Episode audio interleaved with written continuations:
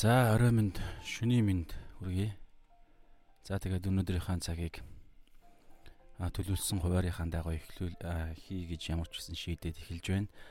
А нэг зүгээр видео хийгээ дараагаар нь зүгээр лайв биш байдлаар тавьчих юм уу гэснэ. А шууд лайв хийхээр шийдлээ. Тэгээ бүгдээр хамтдаа ямар ч байсан өнөөдрийнхөө цагийг эхлүүлээд а тэгээд залбирая. За тэгээд дараа үзэх хүмүүс байвал дараа нь үзнэ зтэй те яг одоо Улаанбаатар хотод 2020 оны 5 сарын 20-ны оройн шөнийн 11 цаг 23 минут болж байгаа учраас хэрвээ та яг одоо үзэж эхэлж байгаа хүн байгаа бол бас нойроо бодоод эрүүл мэндэ бодоод амарсан дээрэлгүй те ямар ч үсэн би гэтээ таны сонголт тэг хамт байхыг хүсвэл та хамт байж болно. За тэг бүгдээрээ залбираад дараа нь ямар ч үсэн нөхөж үтс хүмүүс нөөцнөд за залбираад эхэлцгээе. Эзэн бурхан минь энэ цагийн төлөө би талархаж байна. Тэгээ өнөөдрийн хэсгээр дамжуулан эзэн бидний сүнсийг эзэн минь та яг одоо сэргээж өгөөч. Тэгээд энэ цагийг тань даатхан ариун сүнс та удирдах юм Есүсийн нэрээр танд даатхан залбирч байна. Амен. За өнөөдрийн хэсэг бол Матай 9-р бүлэг 27-оос 34 гэсэн хэсэг байна. За тэгээд 9-р бүлэг маань ерөнхийдөө дуусах төгсөж байна. Дараагийн видеогоор за 5 дахь өдрийн видеогоор сүүлийн сэдв буюу багц хэсгийг үзээд 9 дугаар бүлэг маань дуусан. Тэгэхээр 8 9 дугаар бүлэг маань уулан дээрх сургаалын 5 6 7 гэсэн 3 бүлэг дээр гарч байгаа уулан дээрх сургаалын а сургаал дээр заагдсан Тэнгэрийн аанчлалын мөн чанар зарчим үнний төр суурийг суурийг заагаад 8 9 дугаар бүлэг дээр Тэнгэрийн аанчлалын хүч чадлыг эзэн өөрөө гайхамшгуудаараа болно а бодиттой практик дээр харуулсан үйл явдал болж байгаа. Тэгээд дуусах төхөж байна. За тэг өнөөдрийнхэн хэсгийг уншия. Матай 9 дугаар бүлэг 27-оос 34. Есүс тэндээс цааш яваад явж байтал хоёр сохор хүн Давидын хүү минь ээ биднийг өршөөгөөч гэж хашгирн түүнийг дагжээ. Айлд орсныхан дараа сохрууд түүн дээр ирэхэд Есүс тэдэнд намайг үүнийг хийж чадна гэж та нар итгэж байна уу гэж асуув. Тэд тийм ээ эзэн гэлээ. Тэгээд Есүс нүдэнд нь хурч итгэлийн чин дагуу болог гэсэнд тэд хараа оржээ. Есүс тэдэнд хинч хинч үүнийг мэдэж болохгүйг сан гэж хатуу сануулв. Гэвч тэд гараад түүний тухай зарыг тэр нутаг даяар тараалаа. Тэднийг дөнгөж гартал үзэхтэн зүтгэр шүглсэн хилгүй хүнийг түүнд авчирв. Ингээд зүтгэр нь зайлуулагдахад мөнөө хилгүй ярьж эхэлжээ. Хурсан олон гайхаж Израильд ийм юм хизээж үзэж үзэгдэж байгаагүй гэцгээв. Харин фарисеучуд чөтгөрүүдийн захирагчаар нь чөтгөрүүдийг тэр хөөдөг юм байна гэж ярьж байлаа. Амен. За өнөөдрийн хэсэг дээр хоёр сохор хүнийг нэг аа чөтгөр шүүгүүлсэн тэгээд хилгүй хүнийг эзэн Есүс Христийн эдгэж байгаа үйл явдлыг явдал гарч ин тэгэхээр энүүгөө дамжуулж өнөөдөр бидэнд эзэн юу хэлхийг хүсэж байгаа юм болоо гэд хайж судалж бясалгаж элдв янзын зүйл эрэл хайвал хийж ариун сүнс эзнээсээ сонсох гэж оролдлоо. За тэгээ бүгдээрээ эхнээс нь хараад явъя те. За өнөөдөр би ер нь бол би миний өөртөө тавьж байгаа гол шаардлага бол товчхон бөгөөд тодорхой богино гэсэн зүйлийг өөртөө тавиад байгаа боловч а тэгээд баг багаар сайжирна гэж найдаж лээ. Одоогийн байдлаар бол хэн чадахгүй л яваад байна. Тэгээд яг ингээд ганцаараа ярьж байгаа болохоор бас те аа дураараа л сайхан ярьж өгч байгаа шүү. За ямар ёо цаг хугацааны хувьд. За тэг ямар ч үсэн бүгд хамт технээс нь хараад явъя. За ингэж байгаа. Өмнө нь юу боллоо? Аа үхсэн тэ үхсэн гэж үзэгдсэн үхсэн охиныг эзэн амьлуулсан тэ. За тэгээд ийм үйл явдал болсон. Тэгээд эзэн тэндээсээ чааш явж байтал хоёр сохор хүн байж тэ. Аа баахан хүмүүс дунд тэ хоёр сохор хүн яасан бэ гэхээр Давид за энэ үгийг бүгдээрээ сайн санаарай. Энэ их онцгой үг байгаа. Давидын хүү минь ээ биднийгээ өршөөгөөч гэсэн хоёр юм ярьсан. Давидын хүү минь ээ биднийг өршөөгөөч гэд хашгирж байсан. Тэгээ түүнийг дагж исэн. Тэгээ эндээс 28-ыг анзаарах юм бол айлд орсныхын дараа гэж байгаа. Тэгэхээр Давидын хүү минь ээ биднийгээ өршөөгөөч гэд хоёр сохор хүн хэлэх үед тэр дороо цогсоогүй гэж харагдаж байгаа чаашаа өргөжлүүл үргэлжлүүлж явсан. Нэг бол Есүс сонсоогүй байх, эсвэл сонссон ч гэсэн тэр ямар нэгэн шалтгаантай зоригтой а тэр олон хүмүүсийн дэргэд тэр зогсоогүй чаашаа үргэлжлүүлж явсан. Явж байгаад нэг айлд орсон. Тэр нь хинийх Петрийн хуу өөрийнх нь гэр үү хинийх вэ гэдэг нь тодорхойгүй. Ямар ч байсан нэг айлд орсон. Тэгээ айлд орсных нь дараа сохрууд түүн дээр үргэлж сохрууд дагсаар байж байгаад үргэлжлүүлэн тууштай туулбартай дагсаар байгаа түүний тэр орсон айлд нь араас нь яваад орсон. Тэгэхгүй Есүс Христ нэг ийм асуулт тавьж байгаа. Аа намайг үүнийг хийж чадна гэж та нар итгэж байна уу гэхэд тэд нар тийм ээ эзэн гэж байгаа. Тэгээд Есүс нүдэнд нь хүрээд итгэлийн чин дагуу болго гэхэд тэд хараа орсон. За ийм үйл явдал. За одоо бүгдээрээ эхлээд харъя. Аа Давидын хүү минь ээ бидний өршөөгөөч гэд хашгирч байсан. Энэ бүгдээрээ тэдний энэ хоёр сохор хүний хэлсэн үгийг бүгдээрээ ойлгоё. Их чухал онцгой тохиолдол байсан. Тэр ч утгаараа магадгүй Есүс тэ тэнд зогсоод олонний өмнө тэр зүйлийг аа тэр эдгэрлэлийг хийгээгүй гэж харагдаж байгаа. За бүгдээрээ харъя. Юу ямар утга учиртай гэж надад харагдсан бай. Бас зарим зүйлс олж мэдсэн зүйлтэй холбогдоод агаар ингэж те долгионд харж байгаа учраас юу ихлээрэ тэд нэгдүгээр тэд нар сохор хүмүүс байсан те сохор хүмүүс байсан. За тэгээд за эхлээ бүгд энэ дээр ярилцъя. Давидын хүү гэдэг ойлголт. За Есүс Христийн эцэг болвол те Йосеф биздэ те Яаков Йосеф те Йосеф Йосеф штэ. Йосеф гэхдээ яг махбодийнх нь эцэг бол биш гэхдээ аа назарчууд ер нь тэгээд Иесусыг танд мэддэг хүмүүс аав нь те 30-наас хүртэлх хүртэл нь төрхөөс нь ахуулж те ихэд бүрэлдэх цагаас нь эхлэн сүд аа ураг юу сүү тавьж өөрийнх нь аа болсон яг хууль ёсныхын дагуу аа болвол аав нь бол Йосеф шүү дээ. Тэгэхээр Йосефийн хүү байтал Давидын хүү минь гэж хэлж байгаа хоёр сохор хүн. За тэгээд энэ Давидын минь гэдэг энэ ойлголтыг бүгдээрээ яг сохор хүний өнцгөөс гэхээс илүүгээр зүгээр яг өнөөгийн энэ цаг мөчөөс харахад нэг хоёр байдлаар хоёр үнэн тэнд цаана байгаа. Нэгдүгээрт юу вэ гэхээр а Есүс бол Есүс бол яг Матай номны хамгийн ихэнд бичсэнчлэн танилцуулсанчлан угийн бичигдэн байгаачлан Есүс бол Давидын угийн бичиг Давидын үр сад байгаа. Тэрийг баталсан те Луг ч гэсэн баталдаг, Матай ч гэсэн баталдаг. Гэтэ өөр байдаг боловч бас өөр өөр өнцгөөс зоригтойгоор баталсан байгаа. Тэгэхээр Тэр утгаараа бол Давидын хүү гэж хэлэгдэх нь яг үнэн байгаад байгаа. Гэхдээ тэр хоёр сохор хүн аа энийг мэдсэн болоо. Тэгэхээр яг энэ өнцгөөс ярьсан уу? За би бол жоохон эргэлзэж байна. А нөгөөх нь юу вэ гэхээр Давидын хүү гэдэг энэ хиллэг нь бол яг энэ цаг мөчийг хүртэл ер нь Израильчуудын хувьд Месияг Месиягийн талаар сонгогдсон тэр тослогдсон нэгэн аврахаар ирэх Бурхнаар сонгогдсон тэр цор ганц нэгэн хуучин гэрээний дурш амлагдсан тэр нэгэн нэгний талаар ярих үедээ Давидын хүү гэдэг нь ойлголтыг Давидын үр удмаас гарах тэр нэгэн гэдгийг үргэлж ярьдаг. Тэгээ энэ талаар биш тэ Самуэль 2 дугаар Самуэль 7-гийн 12-аас 13 дээр байгаа. Юу гэж байгаа гэхээр за би уншия. Давидэд Давид хаанд бурхны хэлсэн амлалт. Тэгээ энэ амлалт нь Самуэль дээр бичигдсэн. Тэгээ хуучин гэрээ гэдэг тэр номон дотроо байгаа. Тэрийг уншиж судалж чэжилж заадаг Израиль ард түмэн Тэгээд Давидын хүү гэдэг ойлголтыг месиятай л холбодог хүч холбодог. Тэгээд ихэс дээдсээс ахуулаад тэг гудамжинд байгаа гуйлгчин хүртэл энийг мэддэг. Израилийн өөрсдийнх нь онцлог штэ гайхалтай тэр итгэлдэр суурь төв итгэл төвтэй ард түмэн. Тэгэхээр бүгдээрээ тэр иш үзүүлгийг месиягийн талаарх иш үзүүлгийг уншия.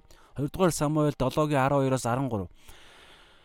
Чин за бурхан Йохва бурхан те Давид Давид хаанд хэлж байна чиний өдрүүд чиний өдрүүд гүйцэж за дуусаж гэсэн үг шүү дээ. Чиний өдрүүд гүйцэж чи эцэг өвгдийнхөө хамт нойрсох үед би чиний биеэс гарах үрийг чинь нэг үрийг үрийг чинь чиний дараа босгож түүний хаанчлалыг бэхжүүлнэ. 13. Миний нэрийн төлөө тэрээр өргөө барина. Түүний би түүний хаанчлалын сэнтийг мөнхөд тогтооно гэж байна. За Соломоны хувьд Соломон түүний хүү Соломон бол түүний өргөөг барьсан шүү дээ. Аа Бурхан аавын Явха бурхны өргөөг барьсан. Тэр утгаараа бас шууд утгаараа хэлж байгаа иш үзүүлдэг. Иш үзүүлдэг бол ерөнхийдөө юм байдаг шүү дээ. Яг одоо энэ цагт хэлэгддэг дараагаар нь дахиж ирээдүйд болох зүйлд бас давхар хэлэгддэг. Нэг өнцгөөс ойрын ойрын болох үйл явдлыг иш үзүүлдэг. Дээш нь жоохон өрөх юм бол бүгд цаана байгаа уулын орой хүртэл бас давхар иш үзүүлдэг. Иш үзүүлгийн өөрийнх нь тэр аа одоо юу гэдгийг мөн чанар тэр хүч чадал гэдэг юм уу зорилго нь тийм бас байдаг. Тийм учраас тийм ч учраас те Люциферийн талаарх те хэлсэн Сирийн хаан, Тэри хаан хаан гэдгийг хэлж байгаа боловч Изекэл Исея гэтэл цаагаараа бас Люцифер сатаныг бас хэлдэг жишээ нэ. Ер нь тиймэрхүү байдаг. Тийм учраас энд бол Есүс Христийн талаар хэлж байгаа. Давид хаанд хэлэхдээ чиний үр удмаас чамааг өнгөрөөд цагч нь гүйсээд эцэг хүүхдийнхээ хамт нойрсох үед чиний үр удмаас нэг үрийг чинь босгоод а босгоод хаан миний өргөөг барих тэгээд хаанчлалыг миний өмнөөс хаанчлах төлөөлөн хаанчлах тэр нэг нэг босгоно. Тэгээд түүний хаанчлал мөнхөд тогтно гэж байгаа. Мөнх гэдэг ойлголтыг та нар бодолтой. Тэгэхээр энэ бол яалтчгүй дэлхийн дээр хаанчлал биш. Дэлхий дээр хаанчлал боловч цаашаага давхар бүр мөнхөд хаанчлах буюу сүнслэг Тэнгэрийн хаанчлал Тэнгэрийн улсын улсад хүргэх тэр гайхалтай тэр хүртлэх хаанчлах тэр хаан хаан Тэнгэрийн хаанчлалыг ярьж байгааз Тэгэхээр энэ бол месиа хилдгээ гэд угаасаа энэ бол тодорхой шууд ойлголт. Тэгээ энэ тал дээр аа тэгээ энийг энийг ерөнхийдөө тэр хоёр одоо сохор хүн бол хэлж байгаа. Давидын хүү энэ би бас бодож үзсэн те Есүсийг яагаад месиа гэж тэд нар итгэв? Тэ? Яагаад итгэв? За хоёр сохор хүн бол аа яг яг энэ уулзах яг энэ тэр одоо энэ бичээстэр байгаа тэр цаг хүртэл бол урд нь бид нар үзсэн ярьсан те олон гайхамшгууд болж исэн. Тэгэхээр тэр гайхамшгуудыг нүдэрээ бол харж чадахгүй. Сор учраас яг Есүс Христийн гайхамшгийг хажууд нь те энэ чөтгөрийн хөөлөө энэ саа өвчтөө үнийг идгэлээ уймаа өвчтөө үнийг идгэлээ тэгээд тэр гайхамшгуудыг бол нүдэрээ хараагүй боловч сонсч ийсэн. Тэгэхээр хардаа яг бичээсийг хуучин гэрээний үхсийг ч гэсэн тэд сонссон. За хамгийн анхныг бол тэд бүгд Мосегийн амнаас сонсож байгаа Израильчууд. Дараагаар нь одоо раби нар гэдэг юм уу дахилч нарын тэр хичээлээр сонсож байгаа. Тэгэхээр Бурхны үгийг бол тэд сонсдог. Тэрний адил яг одоо энэ цаг мөчид түүнийг аа яг тэр Есүстэй уулзах цаг мөч хүртэл бол тэр хоёр сохор хүм бол Есүсийн талаар тэр гайхамшгуудыг сонсч ирсэн. Тэгэхээр тэр одоо тэр практик гайхамшгууд тэр баримтуудыг баримтууд дээр тулгуурлаж энэ бол яа харахгүй месиа гэсэн тэр а юу бодол тэднэрт итгэл нь байсан байгаа байхгүй. Тийм учраас тэд месиа гэж хэлэхийн хэлэхдээ баг адилхан Давидын хүмүнэ гэж хэлж байгаа нь тэр бүр цаа тэр иш үзүүлэгдсэн тэр нэгнээ бүр бурхны амлсан нэгнээ гэдээ бүр асар сууртай итгэл байгаа дагааз. Тэгээд нэгдүгээр хоёрдугаарт нь тэд хардаа өршөөгөөч гэдэг үг хэлсэн. Энэ их сонирхолтой.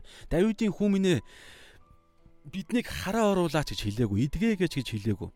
Яасан бэ гэхээр өршөөгөөч гэж хэлсэн. Тэгэхээр энэ хүртэл их гоё маш утга учиртай үг байгаа байхгүй. Бүгдээрээ хардаа нэг юм байгаа. Аа Матай одоо энэ 6-гийн бүгдээр 27 үзэж байгаа. Матай 6-гийнхаа 6-аг 9-ийн 6-аг харъя. 6 дээр Есүс Христ нэг юм хэлсэн. Нөгөө саа өвчтэй хүнийг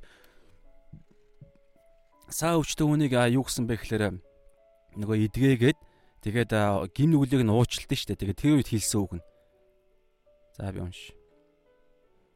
Харин хүний хүү газар дээр нүглийг уучлах эрх мэдэлтэйг та нарт мэдүүлэхийн тулд гээд. Одоо энэ дээр хараа энэ Есүс Христийн энэ хэлсэн үг өнөөдөр хоёр сохрын хэлсэн үгтэй яг харьцуулахад зэрэгцээ очно. За бүгдээр харъя.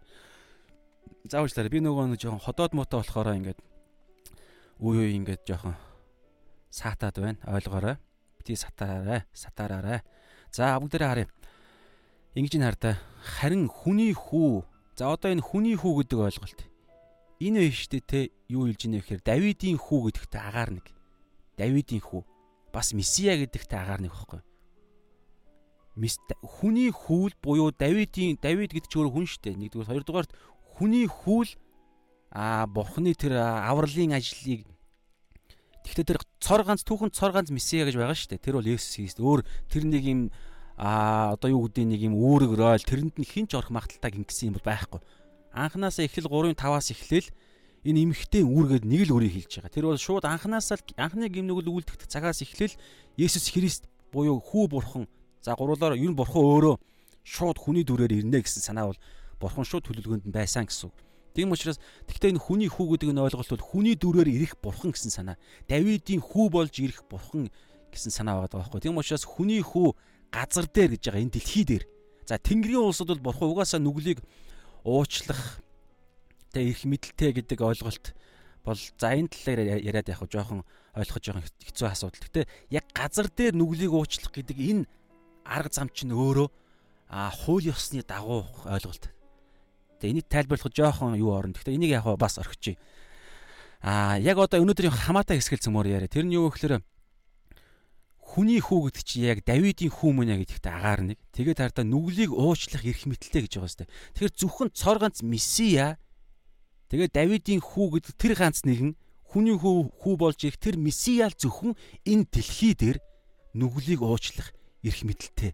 Эн чинь өөрөө юу гэхээр тэр мөнхийн хаанчлыг анх бий болгох тэр хамгийн анхны хууль одоо юу гэдгийг хуулийн дагуух тэр хамгийн анхны бодиттой одоо тэр гайхалтай одоо юу гэдгийг сайн мэдээ тэр үйл явдал واخгүй. Тэгэхээр энийг тэд ойлгосон байгаа даа. Тэр нь юу гэхээр зөвхөн хүний хүл, зөвхөн Давидын хүл, зөвхөн Месиал хүн төрлөختний гим нүглийн асуудлыг шийднэ гэсэн ойлголт واخгүй. Гим нүглийн асуудлыг шийднэ буюу гим нүглийн ялыг нь өөр дээрээ өөрн тэгээд гим нүгэлтэй хүмүүсүүдийг уучлнаа, өршөөнө гэсэн санаа. Тэгэхээр энэ хоёр сохор хүн харахтаа сохор хүн хардаа Есүс одоо энэ яг бодиттой одоо тэд нар бол сайн мэдэхгүй одоо юу гэдгийг тухайн үед байгаа хүмүүсүүд яг энэ ойлголтоор бол хараахан ойлгоогүй байгаа тохиол цаг үед байсан шүү. Тэгэхээр таардаа шууд бүр өстө нэр хүм болгоны хүсэн хүлээж исэн Израиль үндэстний хамгийн чухал тэр гайхалтай одоо тэр амлалт болох тэр Давидын хүү гэдгээр нь Есүсийг таньсан байна нэгдүгээрт. Хоёрдугаарт тэд Давидын хүү энэ дэлхий дээр ирэхдээ ирээд тэгээд нэг одоо яг Давид хаанчлалын үе шиг тэгж Израильчуудын улс төрийн те одоо улс төрийн засаг захиргааны цэргийн ч гэдэг юм уу газар нутгийн тийм хаанчлал биш энэ сүнслэг ойлголт гэдгийг хүртэл мэдэрсэн гэж харагдаж байгаа. Тийм учраас өршөөгөөч гэдэг ойлголт. Тэгээ ийм зүйлийг хэлсэн. За эндээс бүгдээр би ганц нэг юм яриад байгаа. Аа хүнд бол би баян ирдэг те махбод гэж байгаа сүнс гэж байгаа сэтгэл гэж байгаа. Тэгэхээр ардаа энэ хоёр энэ хоёр хүн бол махбодын хувьд бол сохор байсан. Махбодын хувьд бол сохор байсан байгаа. Гэхдээ тэд нар сүн сэтгэлийнхаа хувьд тэд харах ёстой зүйлээ харж чадсан байгааз үннийг ойлгосон. Үннийг тэд махбодоор одоо юу гэдэг харж чаддгүй болов сүнсээрээ тэр үннийг харж чадсан. Тэд үннийг ойлгосон. Тэгээ тэрэндээ чаашлаад бүр итгэсэн байгаад байгаа. Тийм учраас тэд аа энэ өчлийг хэлж байгаа. Тэгээ тэн дээр харах юм бол тэ бурхны хүү хүний хүү гэдэг нь бол месиа давидын хүү бурхны хүү гэдэг чинь зөвхөн бурхны хүү буюу Бурхны хүү тэнцүү бурхан байхгүй юу? Бурхны хүү гэдэг чинь өөрөө бурхан гэсэн санаа угаасаа. Тийм учраас яг л нэг одоо юу гэдгийг төлөв байдал ч тэ нэг тийм оршихуй учраас л а бурхан гэсэн санаа. Тийм учраас хүний хүү, Давидын хүү бас бурхны хүү ийм гайхалтай одоо систем теологийн хэллэгээр те 100% бурхан 100% хүн гэдэг ойлголтыг хүртлийн цаана агуулж байгаа санаа байгаа байхгүй. Энэ бол энэ одоо төлөв байдал хэний хэний дотор байдаг вэ гэхээр зөвхөн месиа тослогдсон, сонгогдсон, томилогдсон гэсэн санаа байхгүй? Тослогдсон зөвхөн нэг хүнийг тослон, нэг хүнийг томилно. Тэр нэг нь л энэ гайхалтай зүйлийг хийн. Тэгээ энэ дээр хардаа Лук 1-ийн 31-ээс 32 дээр юу гэж байгаа вэ гэхээр ингэж байгаа. Майрад яг Есүс гэдгийг Библи яг юу гэж батлах вэ гэхээр олон батлах ишлүүд байгаа боловч энэ дээр яг бодиттой нь болохоор Габриэл хэлж ин тэ үзэгтэн чи хевлийдэ үртэй болж хүү төрүүлнэ. Түүнийг чи Есүс гэж нэрлэх болно. Есүс гэдэг нь утга бол аврагч гэсэн утгатай шүү дээ. Түүнийг чи аврагч гэж нэрлэх болно. Тэр хүү авгаа нэгэн болох хамгийн дээдийн хүү гэж дуудагдана гэж байгаа дээ. Хамгийн дээд бурхны хүү гэж дуудагдана. Эзэн бурхан түүнд өвөг Давидынх нь хаан ширээг өгөх болно гэж байгаа. Одоо энэ нэг месиа гэдэг зүйл чинь яг энд тэгээ одоо энэ дээр хардаа та ингээд энэ дээр дарах юм бол хардаа 2 дугаар Самуэль 7-гийн 12-ыг иш Габриэл, Месиад, а Мариад энэ сайн мэдээг те энэ зүйлийг бурхны хийх зүйлийг тунхаглахдаа 2 дугаар Самуэль 7-гийн 12-оос 13-ыг иш татсан байгаа байхгүй юу? Бурхны хэлсэн үгийг Габриэл иш үзүүлэгч иш татсан байгаа. Тэгээд тэр тэр хүү авгаа нэгэн бол хамгийн дээд буюу бурхан эзэн гэсэн үг шүү дээ. Бурхны хүү гэж дуудагдана. Эзэн бурхан түүнд өвөг Давидынх нь хаан ширээг өгөх болно гэж байгаа. Тэр Яаковын гэрийг үүрт хаанчлах бөгөөд хаанчлалд нь төгсгөл гэж үгүй ээ. Нөгөө нэг яг энэ 2 дугаар самайл байгааз. За ингээд ийм зүйл байгаа. За эндээс нэг зүйлийг би гаргаж ирээ тэгээ цааш явъя. За тэгээ ялзуулна. Тэр нь юу вэ гэхээр яагаад одоо юу гэдэг энэ хоёр сохор хүн аа энэ хоёр сохор хүн одоо юу гэдэг мах бодийн эдгэрлийг мах бодийг минь өршөөгөөч гэж хэлэхээс илүүгээр сүнсний өршөөлийг махбодийг минь идгээж өгөөч нүдийг минь нээж өгөөч гэхээс илүүгээр сүнсний асуудлыг ярьж байна те энэ бүр цаашлаад бас те а утга учиртай гэж яг наа нэлэр одоо яг энэ харагдаж байгаа өнцгөөс харах юм бол юу гэхээр би бас хэлдэг штэ урднаас ярьж исэн. Юу гэхээр мах бодийн альва өвчнүүд бүгд сүнсний нэг өвч сүнслэг өвчнөөс үүдэлтэй.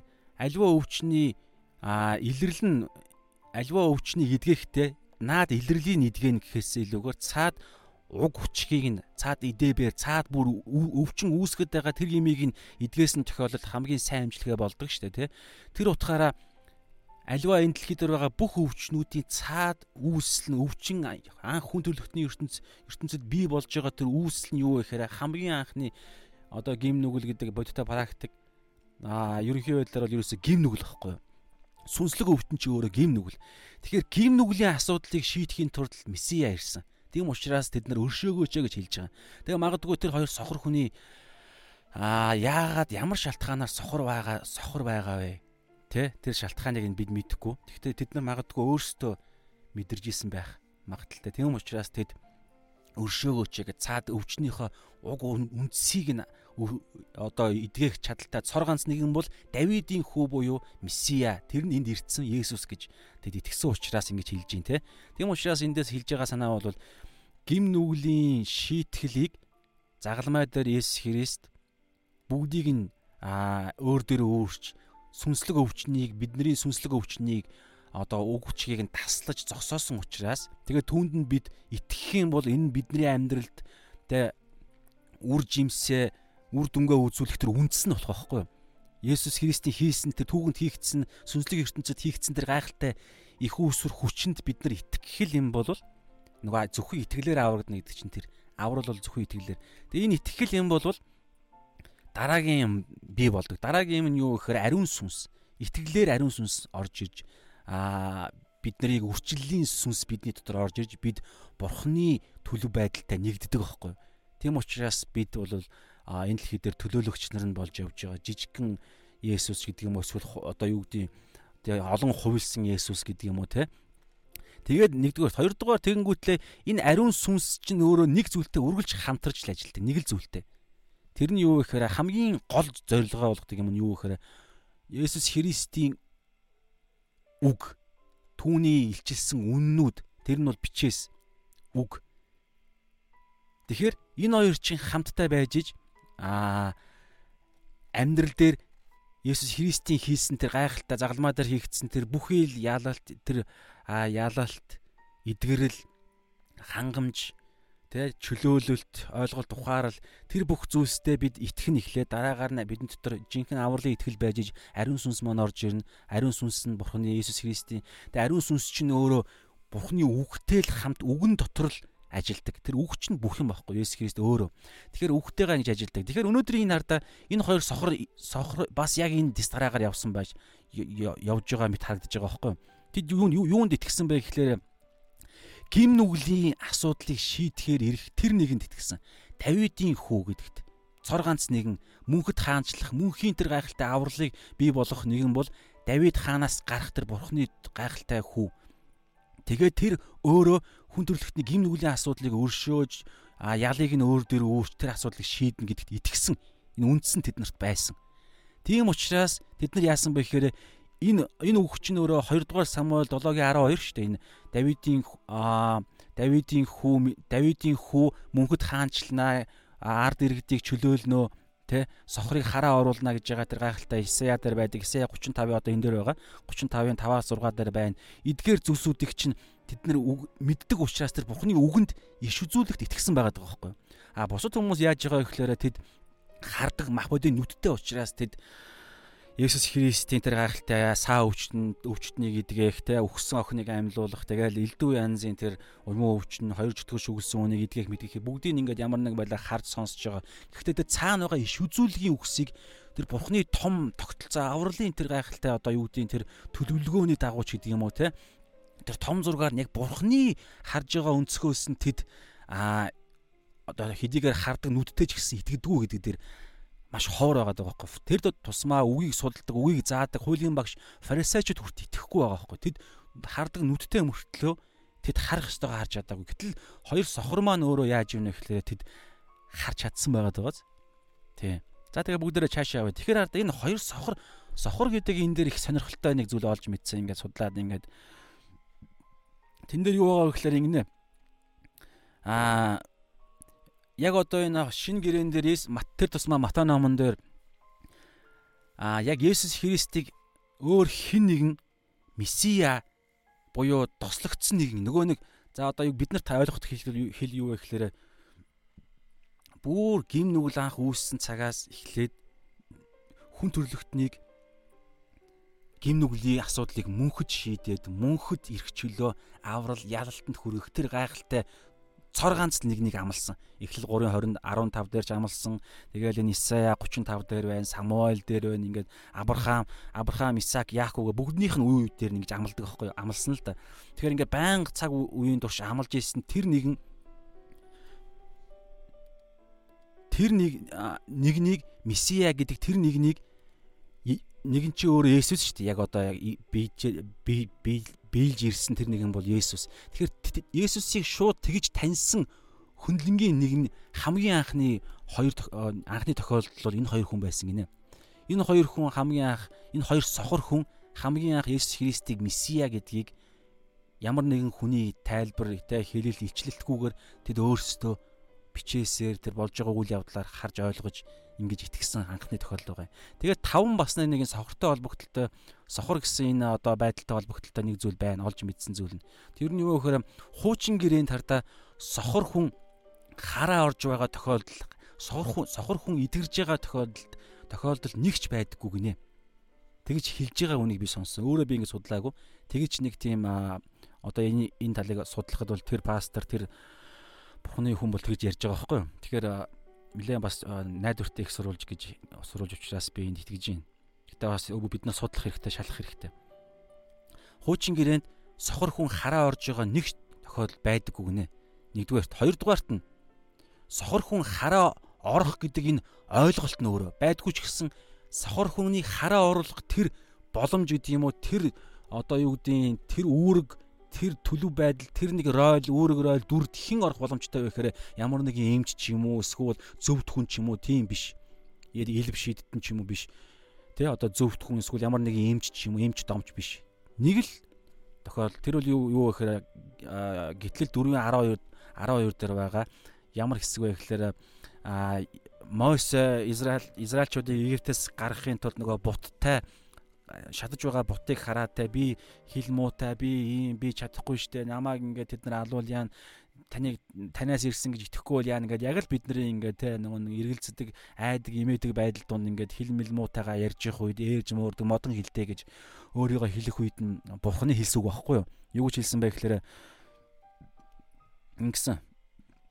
Эзэн Мосед хүний Хүмүүний амыг хэн нээсэн бэ? Хүмүүнийг хэн хилгүй эсвэл дүлий хараатай эсвэл сохор болгодог вэ? Эзэн би биш гэж юу? гэж хэлсэн. Тэгэхээр зөвхөн эзэн бурхан бүтээгч эзэн л хүний сохор хүний хараа оруулна гэдэг ойлголт хуучин гэрээнд байдаг.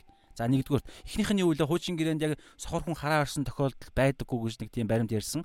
Хоёрдугаарт нь Энийг бид нар яагаад ярих гэдэг вэ гэхээр Есүс Христийн хоёр хүний энэ хоёр сохрыг эдгээсэн тэр ямар онцгой байсныг л ярих гэдэг байгаа байхгүй. Тэгээд ямар утга учиртай өнөөдөр бидэн ч гэсэн. Тэгэхээр нэгдүгüүрт нь хуучин гэр яг Есүс Христийг ирэх хүртэл хүртлэх өмнө бол нэг ч сохор хүн хараа орж исэн тохиолдол байхгүй байгаа байхгүй.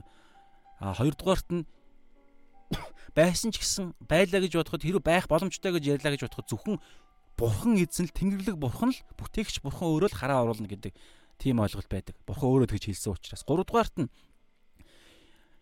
сохор сохор нэгэн хараа орно гэдэг энэ үзэгдэл энэ нэг юм одоо энэ үйл явдлыг ямар нэг юм байдлаар ярьлаа гэж бодоход энэ талаар бодлоо гэж бодоход зөвхөн месиатай холбож ярьдаг.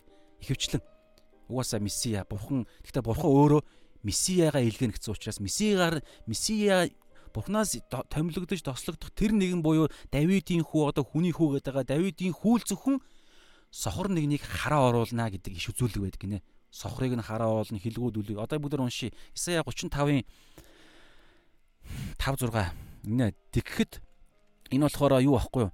Аа Есүс Христ Месиягийн зөгнөлийн талаа Месияг ирнэ гэдгийг бүү манай ирний өмнө зөгнсөн. Есүс Христээс асар олон хэдэн зуун жилийн өмнө. За уншия. Тэгэхэд сохрын нүд Месияг ирэх үед гэсэн утгатай Тэгэхэд сохрын нүд нээгдэж дүлигийн чих онгойно. Тэр үед доголн нь буган мэт дүүлж хилгүй нь баяртайгаар хашгирна. Учир нь цөлөөс ус гарч цөлөөс ус гарч эзгүй талд урснаа. Ийм боломжгүй зүйлсийг ийм хүний ертөнцөөр боломжгүй зүйлсийг тэнгэрлэг хийдэг зүйлсийг эзэн месиягаар буюу томилогдсон нэгэн болох Давидын үр удмаас гарах нэг л хүнээ дамжуулж хийнэ гэдэг энэ зүйл байдаг. Тэгээ сохрыг хараа оруулах тэр зүйл зөвхөн месиа хийн. Тэгээ энэ зүйл одоо энд болж байгаа байхгүй тэр утгаараа энэ бичээс өөрөө энэ иш үзэг хэлдэг хэдэн зуун жилийн өмнө хэлэгдсэн түүхэнд манай эртний одоо юу гэдэг 30 эд он ч гэм 20 эд оны үед болсон энэ зүйл чинь ингэж Есүс Христийг цор ганц хүн төрлөختөнд ирсэн аврагч гэдгийг ингэж баталж байгаа гэсэн санаа. Энд итгэсэн байгаад байгаа энэ хоёр сохор хүн. За дөрөвдүгээрт нь Есүс сая ярьсан л да. Есүс сохрыг хараа оруулсан. Лук а Лук 4:18 Исая тэгээ Исая Лук 4:18 дээр юу гэж байгаа вэ гэхээр одоо тэр за би Лук 4:13 уншиж энэ чухал хэсэг. Есүс Христ үйлчлэл яд Лукаар бол тэ яг үйлчлэлээ эхлэхээс өмнө тэрээр Исая Исая 61-ийн 1-ээс 3-ыг синагогд уншаад энэ өнөөдөр таны сонсголт тань биеллээ гэхэд хүмүүс түүнийг алах гэж оролддог. Яагаад вэ гэхээр Месиа би Меси одоо бүгдээрээ дуулал биш Лук 4:18 унш. Над дээр эзний сүнс байна. Энэ Исая 61-ийн 1-ээс 2-ын иш үзүүлэг багхгүй юу? Над дээр эзний сүнс байна гэдгийг зөвөр Есүс өөрийгөө хэлж байгаа юм биш. Бичээсийг уншиж байгаа. Тийм учраас энэ хүртэл бол бид нар аа бичээсийг уншиж байгаа маань Исая 61-ийн 1-ээс 2-ыг уншиж байгаа маань гэдээ ойлгож байгаа шүү дээ. За уншия. Над дээр эзний сүнс байна. Учир нь ядууст сайн мэдээг хүргэхийн тулд намайг эзэн тосолсон юм хараа. Тосолсон, тослогдсон гэдэг чинь Месиа. Намайг эзэн тосолсон юм. Тэр намайг илгээсэн нь бурхан бурханаас илгээгдсэн нэг. Тэр намайг илгээ илгээсэн нь олзлох хөстөд эрх чөлөөг тунхаглах, сохруудад хараа оруулах, дарамтанд байгстыг чөлөөлөхийн сацуу гэдээ ингэ явж байгаа.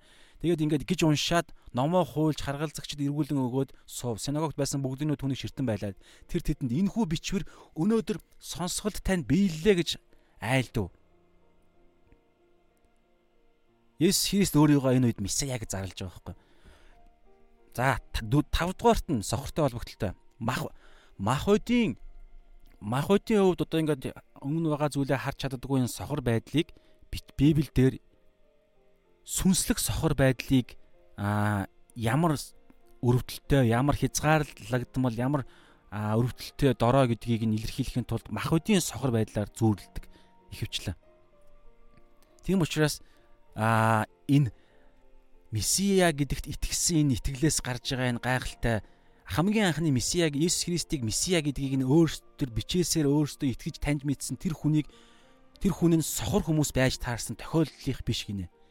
Энэ бол цаагаараа сохор биш мөртлөө итгэхгүй байгаа хүмүүсүүдийг ичээхийн тулд юм шиг те. Есүс Христ сургаалт зүйрлэлүүд их ярьдаг. Сургаалт зүйрлэлүүд янз бүрийн тэгээ дөрвөн дөрөн хөрсний талаар ч юм уу эсвэл бол алдлах алдагдсан хонь те а нөгөө үрлэгэн үрлэгэн те амар үрлэгэн нөгөө нэг хүүхэд те нөгөө нэг төөрсөн хүүхэд гэж байгаа юм л. Гэхдээ үрлэгэн хүүхэд гэсэн бас хэллэг байгаа. Тэгэхээр иймэрхүү иймэрхүү сургаал зүйрлэлүүдээр Есүс Христ байнга ярьдаг гинэ ярьдаг байсан шүү дээ. Тэгэхээр энийг тэр одоо түрүүний тэр хүн юу гэж хэлж байгаа гэхээр ингэж байна. Яагаад Есүс ингэж ярьдаг байсан бэ гэхээр хүмүүс нүдтэй мөртлөө махуд нь ингэж хардаг мөртлөө харж чаддаггүй тийм харах ёстойгоо харж чаддаггүй тийм одоо юу гэдэг өрөвдөлтөй байдал байдаг. Ихэвчлэн байдаг. Тэгээ тийм учраас яадаг вэ гэхээр Есүс Христ асар чухал одоо юу гэдэг маш чухал ойлголтыг ингээд зүгээр ингээд номлолоор ч юм уу эсвэл юугаар ч гэдэг өнөө үед ингээд э, сошиалор ч юм уу эсвэл зүгээр энэ дэр дээрээс номлолоо гэж утгахад харж чаддаг нүдтэй сонсох чихтэй хүмүүсүүд зарим чухал зүйлсүүдийг өнгөрөөчдөг.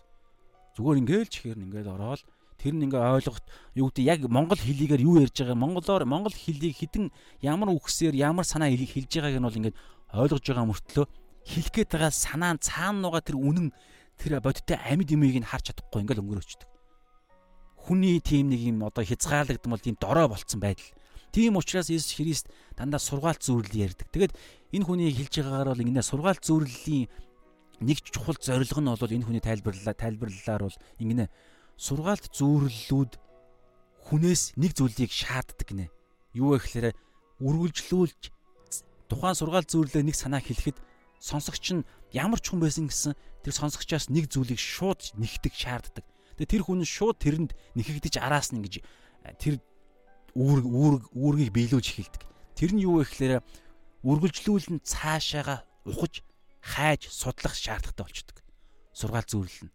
Тэгэхгүй зүгээр Тэнгэрийн аанчлал ийм юмгээ хэлчихээр аа ингээ явчихдаг. Эсвэл ямар нэг юмар зүүрлэхээр хэлхээсээ өмнө зүгээр шууд ингээд нэг зүүрлэл сургаал зүүрлэл хэлчихээр хүмүүс яг сургаал зүүрлэл ингээд бидний одоо Есүс Христ бол бурхан бол Есүс Христ бол дандаа ингээд бидний амьдралын ахуйн хэрэглээнд ойрхон холбогдолтой биднийг ойлгох хэлээр нь одоо юу гэдэг хүүхдүүд тайлбарлаж байгаа юм шиг ингээд бурхан Есүс Христ тайлбарладаг штэ. Тэгээд ингээд зүгээр нэг үйл явдал ярьчдаг, үлгэр шиг ч юм уу нэг юм тохиолдол ярьчдаг. Тэгэнгүүт хүмүүс тэрийг нь ойлгож байгаа мөртлөө агуу те одоо раби маань юу ярьч вэ сая? Энд ямар утгатай бол гэж бодоод эхэлдэг байхгүй хэрвээ ингэхгүй шууд ингээ хэлчихээр одоо шууд утгаараа хэлчихэж байгаа юм чи магадгүй ингээ те зүгээр ингээ өнгөрөөчдөг. Аа ингэж байгаа юм те ингээ өнгөрөөд. Гэтэл чааш нь ухаж гинэ гэдэг чинь ямар хүний одоо юу гэдгийг мэдрэмж хэрэгцээг нь сэрэж гинэ гэхээр зүгээр л энэ жихээрээ те одоо юу гэдгийг Есүс Христ бол орчлын ертөнцийн аврагч хэлчихээр аа Есүс Христ аврагчтай энэ Христийн угаасаа тэгж идэв нэг юмнаас л аврах гээд байгаа юм ч юм уу.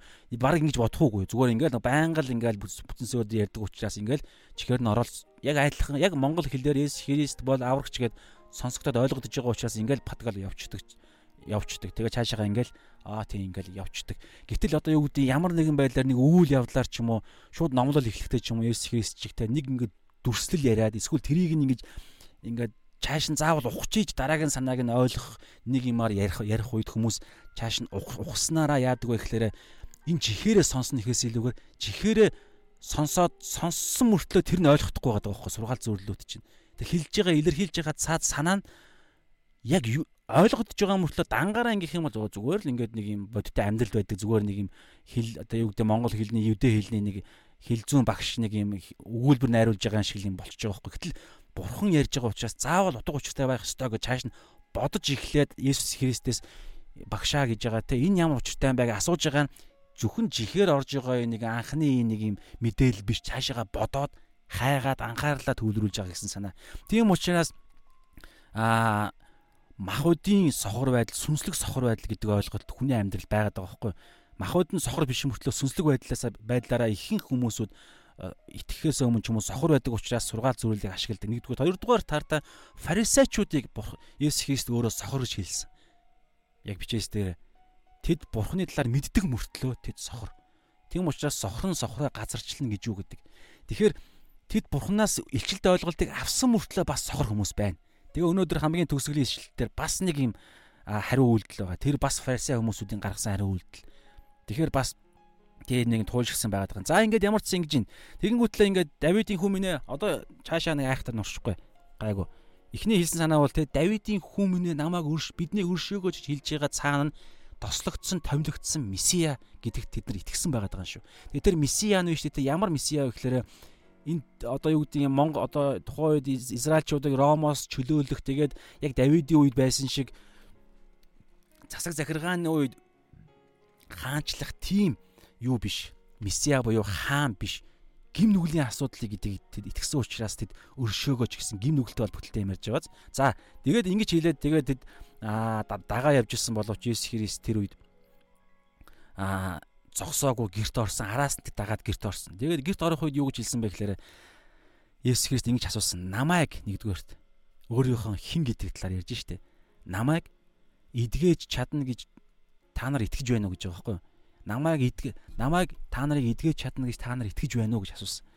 Тэгэхдээ тэд нар юу гэж хэлсэн бэ гэхээр тийм ээ эзэн гэж хэлж байгаа байхгүй. Тэгэхээр энэ дэр ихтэй те Есүс Христийг хинбэ гэдэг та нар тэд нар нэгдүгürt мэдчихсэн нэг байдлаар.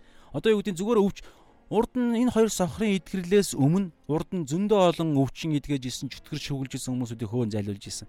Гэхдээ энэ хоёр сохор хүний итгэл анх удаагийн нэг тунхаглал байсан байхгүй юу?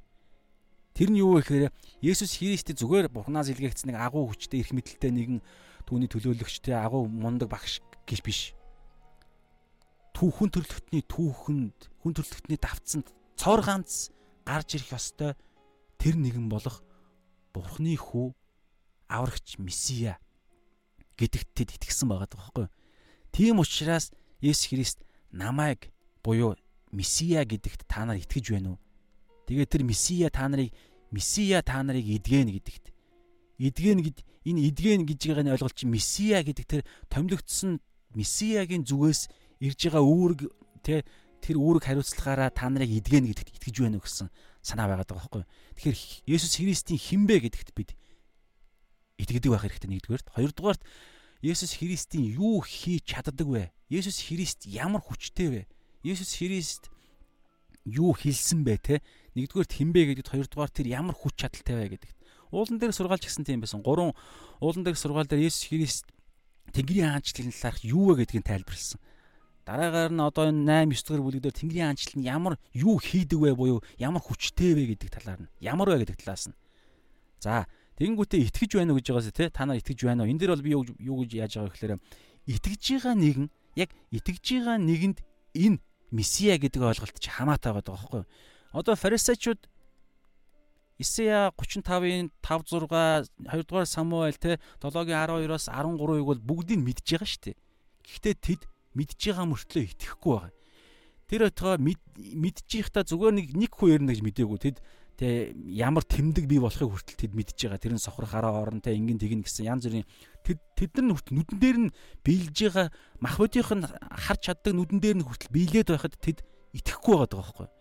Тэгэхээр мэдээл илчлэлт өгөгдсөн ч гэсэн тэр хуухын өөрөө итгэж гин үгүй гэдэг асар чухал. Итгэхгүй байх боломж сонголт хүнд тэр хүн хат зүрхээ хатууруулах ч юм уу тийм байгаад байгаа учраас итгэж байгаа нэгэнд л энэ месиягийн тэр хин гэдэг юу хийж чаддаг. Тэнгэрийн хаанч хаанчилж гэсэн ялгаа байхгүй. Тэнгэрийн хаанчлал ямар агуу болох Тэнгэрийн хаанчлал гэж юу болох, хэн орох, ямар агуу болохыг итгэсэн нэгэнд л хамаатай. Итгээгүй хүнд итгээгүй хүнд энэ ямар ч хүчгүй, ямар ч хэрэггүй зүгээр шашин нэг хүний бий болгосон юм байгаа байхгүй. Тийм учраас итгэл хинд итгэж байгаа хүнд л энэ хийгддэг. Тэгээд тэдний хийснийг чухал юм байна. Тэд тимээ эзэн гэсэн нэг хиллэг байгаад байгаа шүү дээ. Тэр нь юу гэхээр түрүүн би хэлсэн те. Тэд урд нь Есүс Христийн хийж байсан гайхамшиг Есүс Христийн яг бодиттой өөрсдийнхөө махбодынхоо нүдээр тэд одоо бол тэдний яг одоо бидний хардаг энэ одоо энэ хоёр нүдээр бол тэд юу ч хараагүй байгаа шүү дээ. Дандаа харанхуй дунд. Тэгээд өөрсдийнх нь бодлын ертөнд цориул тэд амьдарч байгаа. Тэгэхээр яг тэд юу вэ гэхээр аа Есүсийн гайхамшигт тэд ерөөсө харж байгаагүй. Тэгсэн мөртлөө тэд яасан бэ гэхээр аа хуучин гэрээнд тэгээд эргэн тойронд болсон тэр хүмүүсүүдийн гэрчлэлүүдийг цуу яриа те хүмүүсүүдийн нийгэнд болж байгаа тэр мэдээллүүдийг сонсож байгаа. Тэгээд бичээст байгаа зүйлстэй ингэж найруулж бодож те тэгж тийм учраас тэнд тэр нэгэн ирсэн байна. Тэгээд тэр нэгэнд нэгэн ирсэн үнэн үнэн юм бол бид итгэж байгаа учраас тэр нэгэн чинь л өөрөө сохор нэгний хараа оруулна. Хуучин гэрээ нэг ч хүн хараа ороогүй үнэн. Тийм учраас бидэнд найдвар байхгүй. Гэхдээ хараа оруулах боломжтой цор ганц нэгэн нэгэн нь яг одоо бидний амьдарч байгаа энэ цаг үед ирцэн байж тээ. Тийм учраас зүгээр нэг тэ багшаа гэж хэлээгүй. Түүхэнд сохрыг хараа оруулах боломжтой цор ганц одоо дүр болох тэр үүрэгтэй тэр мэрэгжилч гэдэг юм уу тэр нэгэн болох Давидын хүү гэдэг хүн л месиал идгэх учраас тэд Давидын хүү минь биднийг идгээгээч биднийг өршөөгөөч идгээгээч гэдэг цаана сүнслэг өвчнийг идгээгээч буюу биднийг өршөөгөөч тэгэх юм бол наан дараа нь идгэнэ ч гэдэг юм уу те ийм ойлголт ярьж байгаа ярьсан байгаа байхгүй. Тэгэхээр сонсоод итгэж байгаа. Тэгэхээр энэ өнөөдөр бидэнтэй хамаатай. Ямар байдлаараа гэхээр Томас Есүс хэлдэг штеп. Томас Есүс Христ үхээс үхлээс дахин үхлээс амьлаад дахин биш те үхлээс амьлаад тэгээд 3 хоногийн 3 хоногийн дараа амьлаад тэгээд дагалдагч нартай харагдаж явах Томас байхгүй үед нь харагдаж таардаг те. Тэгээд Томасыг байхгүй үед нь харагдсан дагалд харсан дагалдагч нар нь эзэн маань амилчлаа гэж их үед Томас те юу гэдэг вүлээ би бодтой барьж үзжижил тэр нүх сөвөнд нь гараа тэр сорвинд нь гараа яаж үзжижил би итгэн гэд тэгээд одоо юу гэдэг тэгээд тийм итгэлийн тэр байдлаа илэрхийлдэг штэ. Дараагаар нь Иесус яг тэр тийм байдалд нь тэр хүсэж байгаа зүйл зүйлд нь те өөрөө гарч ирээд гараа үзүүлээд те за Томас чи миний те хадаасны саримд гараа хий те сүнсийн байдаггүй юм гэд яг амилсан гэдгээ баталдаг те. Тэр үед ингээ Томас бол гимшдэг те. Тэгэхээр энэ үед Есүс Христ хэлсэг байгаа. Юу вэ гэхээр хараад итгэсэн нэгнээс сонсоод итгэсэн нэг нь илүү өрөөлтэй гэсэн санаа байдаг байхгүй яг одоо энэ хоёр сохор хүн шиг фарисеучуд харсан итгээгүй хоёр сохор хүн хараагүй. харин сонссон. Хуучин гэрээний иш үзүүлгүүдийг тэгээд эргэн тойронд байгаа энэ тухайн үед амьдарч исэн юдэчүүдийн тэр асар ихтэй тэр гайхалтай дуулааныг сонссон. Харж чадахгүй тэгтээ. Хав харанхуй нүд нь. Тэгтээ тэд сонссон. Тэгээд хуучин гэрээний бичээсийн үгсүүдийг тэр тэд ч гэсэн бас уншиж чадахгүй шүү дээ. Бас л хүмүүсүүдээр уншуулна, багш нараар заалгана. Бас сонсож байгаа шүү дээ. Тэд сонссон. Сонссон зүйлсээрээ тэд дотроо бодсон. Тэгэхээр заримдаа бидний нүд бас ингэдэг, тэ? Харагдаж байгаа зүйлс заримдаа цаана нугаа үннийг ойлгоход саад болдог дээ. Тэр ч утгаараа дөрөв тэр сургаал зүрлэлээс ашигладаг гэдэг нь тэр байхгүй юу? Сонсох сонс сонсох чихтэй мөртлөө ойлгодоггүй, харах нүдтэй мөртлөө харж чаддаггүй хүмүүсүүдэд шууд тэр харахт нь хараад ойлгоход хэцүү зүйлсийг хэлж хилээд тэгээ цааш нь ухах, хайх. Одоо энэ хэл сохор дүлийн хүмүүсийн цааш нь дотроо боддог шиг тийм сэрэл мэдрэлийг нь сэргээж байгаа юу тэр сургаал зөвлөлүүд чинь. Тэгэхээр энэ хоёр хүн ингэж итгэсэн байгаад байгаа. Тэгээд тимээ эзэн гэдэг энэ үг чинь онцгой үг байгаа байхгүй юу? Ямар ч гайхамшиг харж байгаагүй мөртлөө бичээс итгэсэн итгэлээрээ тимээ эзэн гэж хэлж байгаа. Тэгсэн чинь итгэлийн чинь дагуу болог гэдэг гэдэг нь зүгээр л одоо юу гэдэг аа бусад өнөөс өмнө болж исэн итгэл биш. Энэ месиа гэдэгт итгэсэн итгэл байгаа байхгүй юу? Тухай өнөөдөр бол биднэрт нөх ялгаа байхгүй. Биднэрт дамаа одоо энэ цаана байгаа энэ талаар хинч хинч хинт ч энэ талаар ярьж болохгүй гэдэг нь ойлголт биднэрт нэг шаардлага. Одоо энэ эсэргээрээ болц. Эсэргээрээ жоох энэ зүйлд дараагийн одоо тушаалыг бурхан Есүс өгсөн шүү дээ. Тэгэхээр яг тухайн үедээ энэ маш чухал байгаад байна. Намаа Есүс Христийн амьдралын үйлчлэлийн 3 цаг үе тэгээд 3 жилийн цаг хугацаанд энэ маш чухал байсан. Одоо би ярих гэж байна. Тэгээд тийм учраас түүний Есүс Христэд Месиа гэсэн итгэл нь яг энэ үедээ маш онцгой. За нэг талаараа нөгөө талаараа баш маш тийм аа одоо юу гэдэг юм эрсдэл Есүсийн өнцгөөс бол бас эрсдэлтэй байгаад байгаа байхгүй. Одоо би тэрийг яриад байгаа. Энэ бичээс дээр байгаа. Тэгэхээр ямар ч байсан тэр Месиа гэдэгт нь итгэсэн итгэл учраас энэ итгэлийн чинь дагуу болгоо гэж хэлсэн гэсэн. Ямар итгэл юм? Хуучин гэрээний Исия Самуэль дээр байсан тэр иш үзүүлэг биелсэн гэдэгт итгэсэн итгэл байхгүй. Түүнсээр ямар нэгэн бурхнаас ирсэн хүн өвчнийг эдгээж чаднаа эдгээсэн гэдэг тэр нэг юм наад нэг юм гайхамшиг юм илрэл биш цаад утга учирыг учирт нь итгэсэн итгэл. Тэгээд үүний үр дүнд юу болсон бэ гэхээр идэгрэл бий болсон. Тэр нь батлагдсан. Яг жинхэнэ месиа гэдг нь батлагдсан. Тэгээд ихээр энэ хоёр согор хүн бол асар чухал итгэлийн итгэлэнч байсан. Дараагаар нь тэр нь баталгаа нь өгөгдсөн байгаа даа сте. Тийм учраас Иесус Христ 30 дугаар ишлэлд ирэх нэг үгийг хэлсэн. Тэр нь ямар үг вэ гэхээр энэ талаар энэ талаар гэж байгаа шүү. Тэрийг нь бүгдээр ярилцсан. Энэ талаар гэдэг нь яг юу вэ гэдгийг ярилцъя бүгдээр. Энэ талаар хинт ч ярьж болохгүй гэж хэлсэн. За бүгдээр асууя. Гэтэл яасан бэ гэхээр 31 дээр анзаарах юм бол тэд бүгд ярьцсан л та. За бүгдээр ингээд энэ талаар гэдэг дээр бүгдээрээ бодъё. Тэгээ энэ дээр за энэ талаар гэдэг дээр бүгдээрээ бодъё.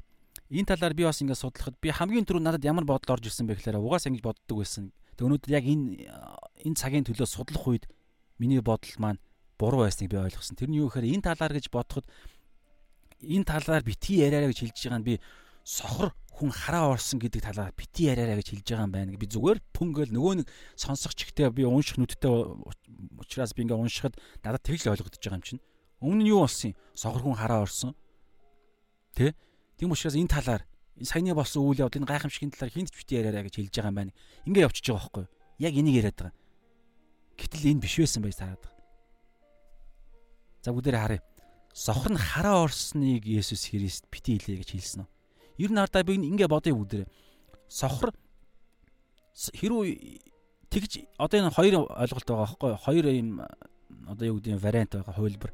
Тэгэхээр эхнийхээрээ бол хамгийн биднэрт ойлгогдож ойлгогдож байгаа ойлгох магадaltaй тэр ойлголт нь юу гэхээр сохор хүн хараа орсон учраас сохор хараа орсон гэдгийг хинт ч бити яриараа гэж хэллээ гэж бодъё л да.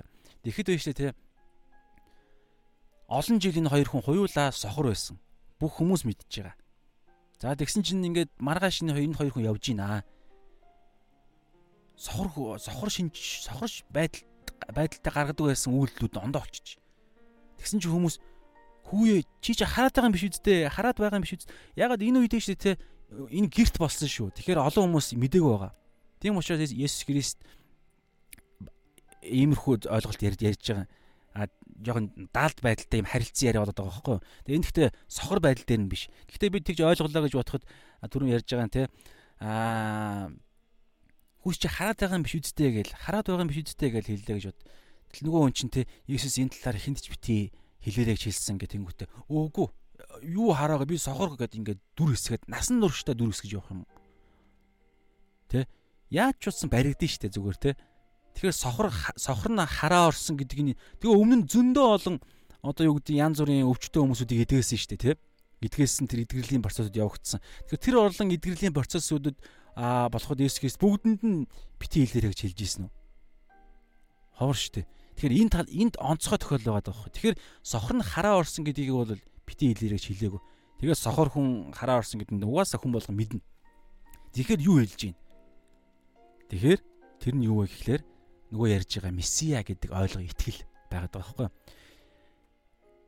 Та нарын итгэлийн чинь дагуу болог гэж байгаа шүү дээ. Тэр нь ямар итгэл вэ гэхлээр Давидын хүү, Есүсийг Давидын хүү гэдэг хэллэгийн цаана Израильчууд месиа гэдэг л ойлголт байгаа. Давидын хүү гэдэг энэ ганц тохиолдол месиа.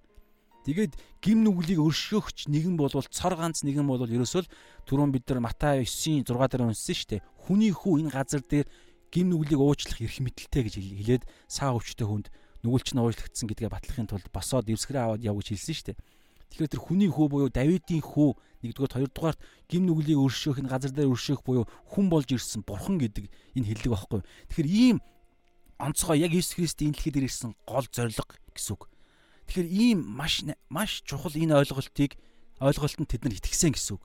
Тийм ээ бизээ итгэж байна гэсэн шүү дээ.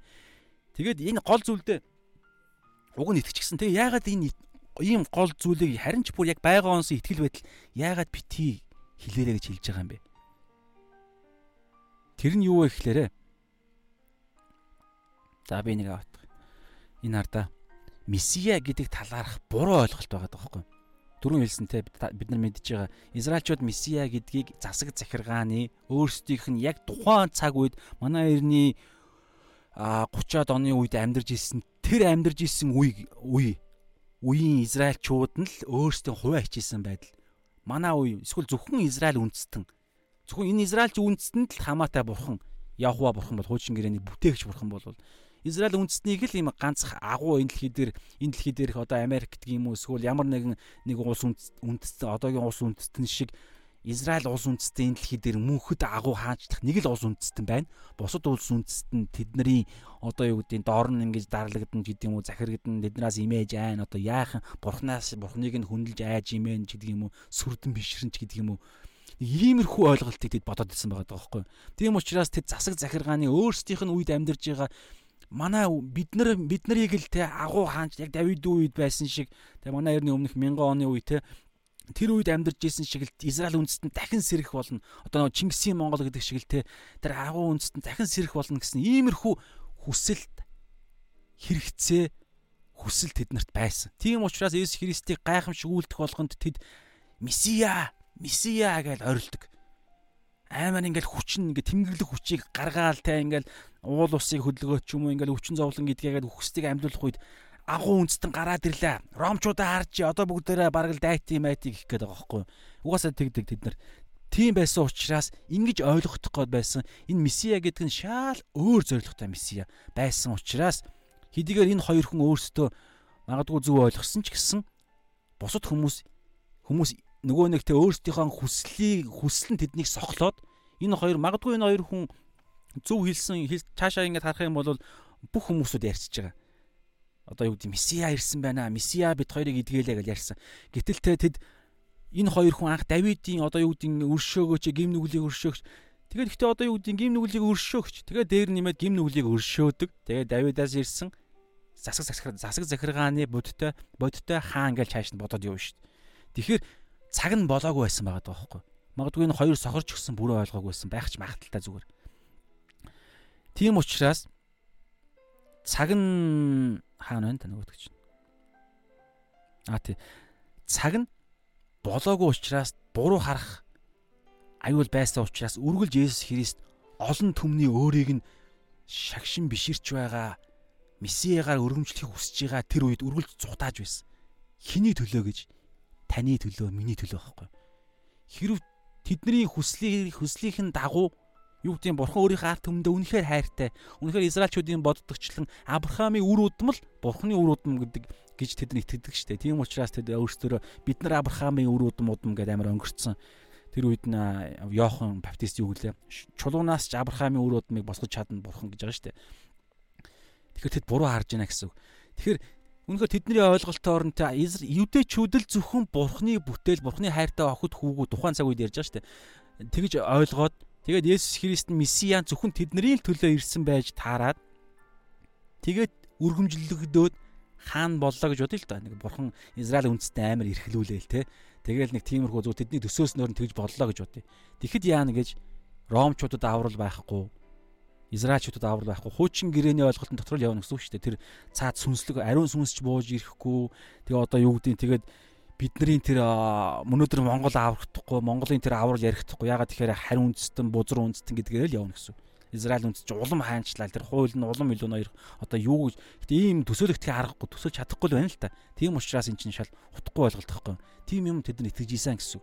Тийм учраас ийм гэтэл Есүс Христийн зорилго бол мөнхийн хаанчлал гэдэг байгаа шүү дээ. Тэгээд хуучин гэрээн дээр ч гэсэн олон улс үндэстнүүд тэр гайхалтай месиа тэр тэр гайхалтай амийн ундар руу ирнэ гэсэн ойлголтод хуучин гэрээн дээр байгаа дуул муул номуудад байгаа. Тэр тэр олон үндэстнүүдийн аврал хүртэл авралын төлөө хүртэл ирж байгаа учраас тэд нар зөвхөн хуваа хичээсэн би би гэдэг үзэл нь тэдэнд бурхны том төлөвлөгөөг том зургийг ариун сүнсний тэр илэрхийлдэг зүйлийг харахад нь саад болдог болж байгаа байхгүй. Өнөөдөр ч гэсэн яг адилхан яг адилхан. Өнөөдөр бид нар шин гэрээний үед амьдарч байгаа ч гэсэн өнөөдөр бидэнд ариун сүнс байгаа ч гэсэн бид өөрсдийнхөө сонголтоороо яг л эдийн засаг байсан шиг сонголтоороо хуваа хичээхийг сонгох юм бол хэдийгээр дотор байгаа ариун сүнс ч юм уу те эсвэл гаднаас ч юм дотроос ч юм ялгаа авахгүй бурхан бол байнга л үргэлжил бид нарт ятгадаг өмнө нь сонголтуудыг тавьдаг шудраг бурхан тийм ч учраас эцсийн өдөр бурхан шудраг байдлаа батлахын тулд үүсээр нь итгэл үүсээр нь шүүн гэж байгаа шүү дээ. Тэр ямаан сүргийч гэсэн бас тэгж шудраг байдлаа хамгаална. Тэгэхээр тийм учраас ийм гайхалтай месияг тэд ойлгох ойлгохгүй тэгээ ойлгохгүй учраас яаж яасан битгий хэлээрэг шилжиж ирсэн. Гэхдээ тэд хэлж исэн учраас цаг хугацаа асар түргэсч Иесус Христ а Иесус Христийн үйлчлэлд улам илүү саад болж исэн гэсэн санаа байгаа. Тэгээ өнөөдөр ч гэсэн энд адилхан. Тэгээ энэ дээр хараа аа ийм байгаа хараа. Энэ хоёр сохор хүний одоо тэр бити хилээрэ гэсэн тэр дуулуургүй байдал нь шүү дээ. Бити хилээрэ гэж хэлсэн чинь хэлж байгаа тэр дуулуургүй байдал дуулуургүй байдал нь өнөөдөр бид нартай бид нарт бидний өнөөдөр одоо юу гэдгийг байдал өнөөдөр бид нартай адилхан нэг хэсэг байгаа. Бид нараас бас өөр хэсэг байгаа гэж харагдаж байгаа байхгүй юу? Тэр нь юу вэ гэхээр тэднэрт итгэл байсан. Зөв зүйлдээ итгэх итгэл. Яг бичээсийн дагуу зөв зүйлдээ итгэх итгэл нь байсан. За өнөөдөр бид нар библийн сургууль сурд юм уу эсвэл мундаг багш пастор ахлагч багш нараараа найз нараар ч юм уу ингээл те эсвэл дүү нараараа ч юм уу те ялгаа авахгүй итгэлийн ахын дүүс нараасаа бид нар а яг бичээсийн дагуу зөв үннийг олж мэдээ тэрэндээ итгээд итгэлийг бий болголоо гэж бид нар итгэлийн тэр гайхалтай үр дүн бий боллоо гэж бодъё. Гэтэл дараагаар нь бид нар дахиад сонголт байгаа. Дуулууртаа дагах уугүй юу гэдэг сонголт байгаад байгаа юм шиг болчиход байгаа байхгүй юу?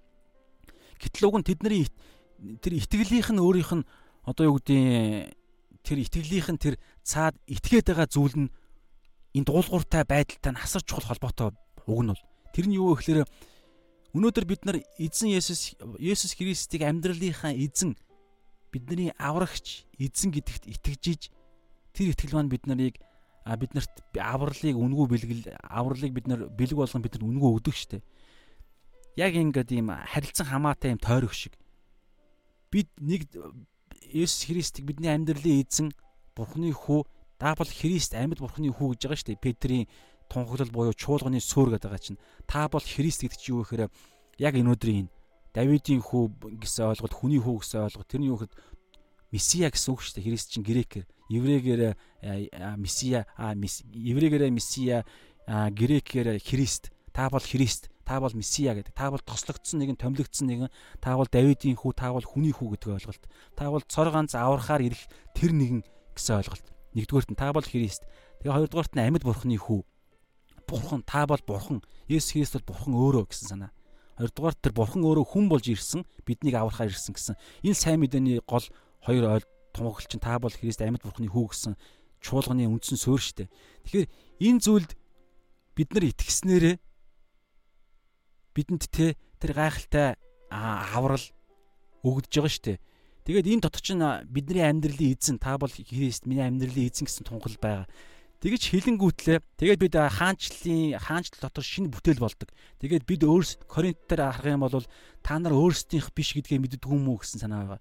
Тэгээд бид бид Христтэй хамт цовдлогдсон гэж Паул хэлж байгаа тийм. Тэгэхээр бид нар өнөөдөр хаанчлалын төлөө би бас урд нь хэлжсэн. Миний амьдралын зорилго биелэлцсэн. Бидний таны амьдралын зорилго биелэлцсэн.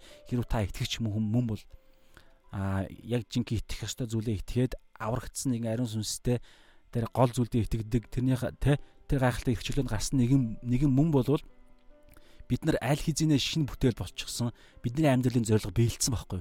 Тийм учраас бид энэ дэлхий дээр хаанчлалын зорилгын төлөө л өнөөдөр амьдрах ганц л дуудлагатай. Итг аврагч аврагдсан хүн мөн л бол бид өөрсдийнхөө төлөө амьдрах ямар шаардлагагүй болсон.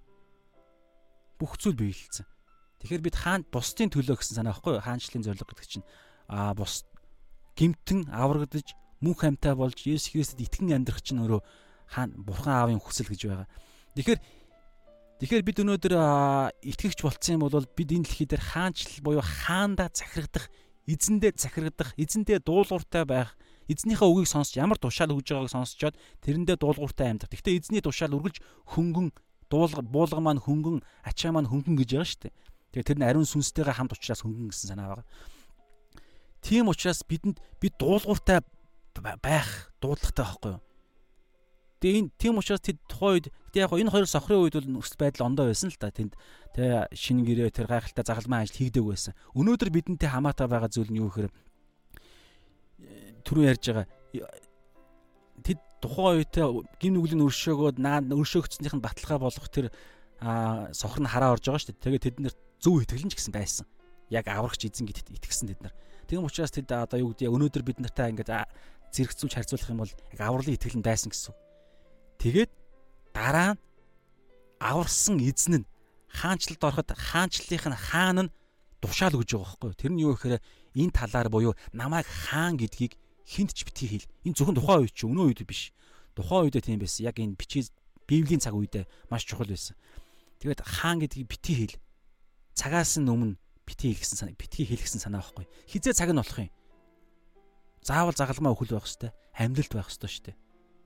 Тэгээ заавал ариун сүнс бууж ирж байна хүч бууж ирнэ гэсэн. Тэгээ хүчээр хүчээр дамжуулж ариун сүнс буюу Христийн хааных нь сүнс төлөөлтөө одоо юу гэдэг туслагч нь болсон тэр төлөөлөл болсон тэр ариун сүнс нь бид нар хүч болж орж иж биднэртэй хамтарч ижил бид нөгөө агуу хаан ч хүн төрлөختний аврагч нэгэн бүтээгч нэгэн тэр агуу хаан сатаныг ялсан нэгэн тэ энд ирээд ингэсэн тэгсэн тэгээ түүнд итгэх юм бол мөнх аймаг үгээд тэр зүйлийг зарлах хэрэгтэй болчихж байгаа байхгүй ягаад тэгэхээр нөгөө нэг тэдний анх төсөөлж исэн хаан аль эзний үхээд үхчихэж байгаа байхгүй. Тэгэхээр тэр зориг хэрэгжихгүй болчихж байгаа. Тэгээ амьлан гутал бүр цоо шин месиягийн дүр төрх гарч ирж байгаа. Тийм учраас тэр үеэс эхлээд зөв месияга ойлгох учраас наан нь энэ зүйлийг бити хэлээрээ гэд хаан нь тушаал өгөхөд тэд нар дуулуургүй байж байгаа байхгүй. Гэхдээ тэр байдлаараа тэд нар дуулуургүй байсан. Бид нартай адилхан нэг талаараа. Итгэл нь байсан мөртлөө биднэрт ч гэсэн авралын итгэл аврагдсан хүн хүртэл дуулуургүй байгаад байгаа нь тэр байгаад байгаа байхгүй. Бид биднийг аварсан хаан чинь бидний хаан. Энэ бол ардчлал биш гэж бид нар ярьдаг те. Энэ Христ сэтгэлийн амьдрал бол ардчлал биш. Энэ чинь бол энэ бол хаан хаанчлал гэж баг хэлэхэд асуудалтай. Бурханчлал гэж хэлэх юм уу яах юм те. Энэ бүр энэ дэлхийн статусаар ярихад боломжгүй тийм юр бусын ойлголт байхгүй юу? Хаанчлал гэж хэлчихээр бас дэлхийн хаан засаглал шиг биш байхгүй юм чинь бүр гайхалтай ардчлал, хаанчлал, бурханчлал гэдээ баг нэгтгсэн юм нэг юм тэнгэрлэг ойлголт учраас бид ойлгоход хэцүү. Гэхдээ гол зүйл нь бид нэг л зоригтой тэр нь хаанчлалынхаа зорил төлөө бид энэ дэлхий дээр амьдарж байгаа байхгүй юу? Тийм учраас бид дуулууртай байх ёстой. Гэтэл тэр дуулууртай байгаагүй. Нэг талаараа энэ нэг талаараа энэ байдлаараа бид нартай яг адилхан байгаад байгаа. А өөр байдал нь юу гэхээр маш энэ өөр байдал нь үнэхээр тэд нарын хувьд чухал зүйл байсан. Тэднэрт тэр биднээс өөр байгаа тэр зүйл нь өнөөдөр биднэрт байх хэрэгтэй болчиход байхгүй байгаа даа байхгүй. Зарим байгаа л да зарим хүмүүстэй байгаа биднэрт бас зарим төлөв байдал зарим үед бас байгаад байдаг. Гэхдээ ерөнхий ингээд масыг ч юм уу ингээд өнөөдөр те Монгол нийгэмд байгаа Христ итгэлийнхнийг харахаар яг тэр энэ хоёр сохорт байсан шиг тэр ялгаатай зүйл нь байхгүй байгаа байхгүй.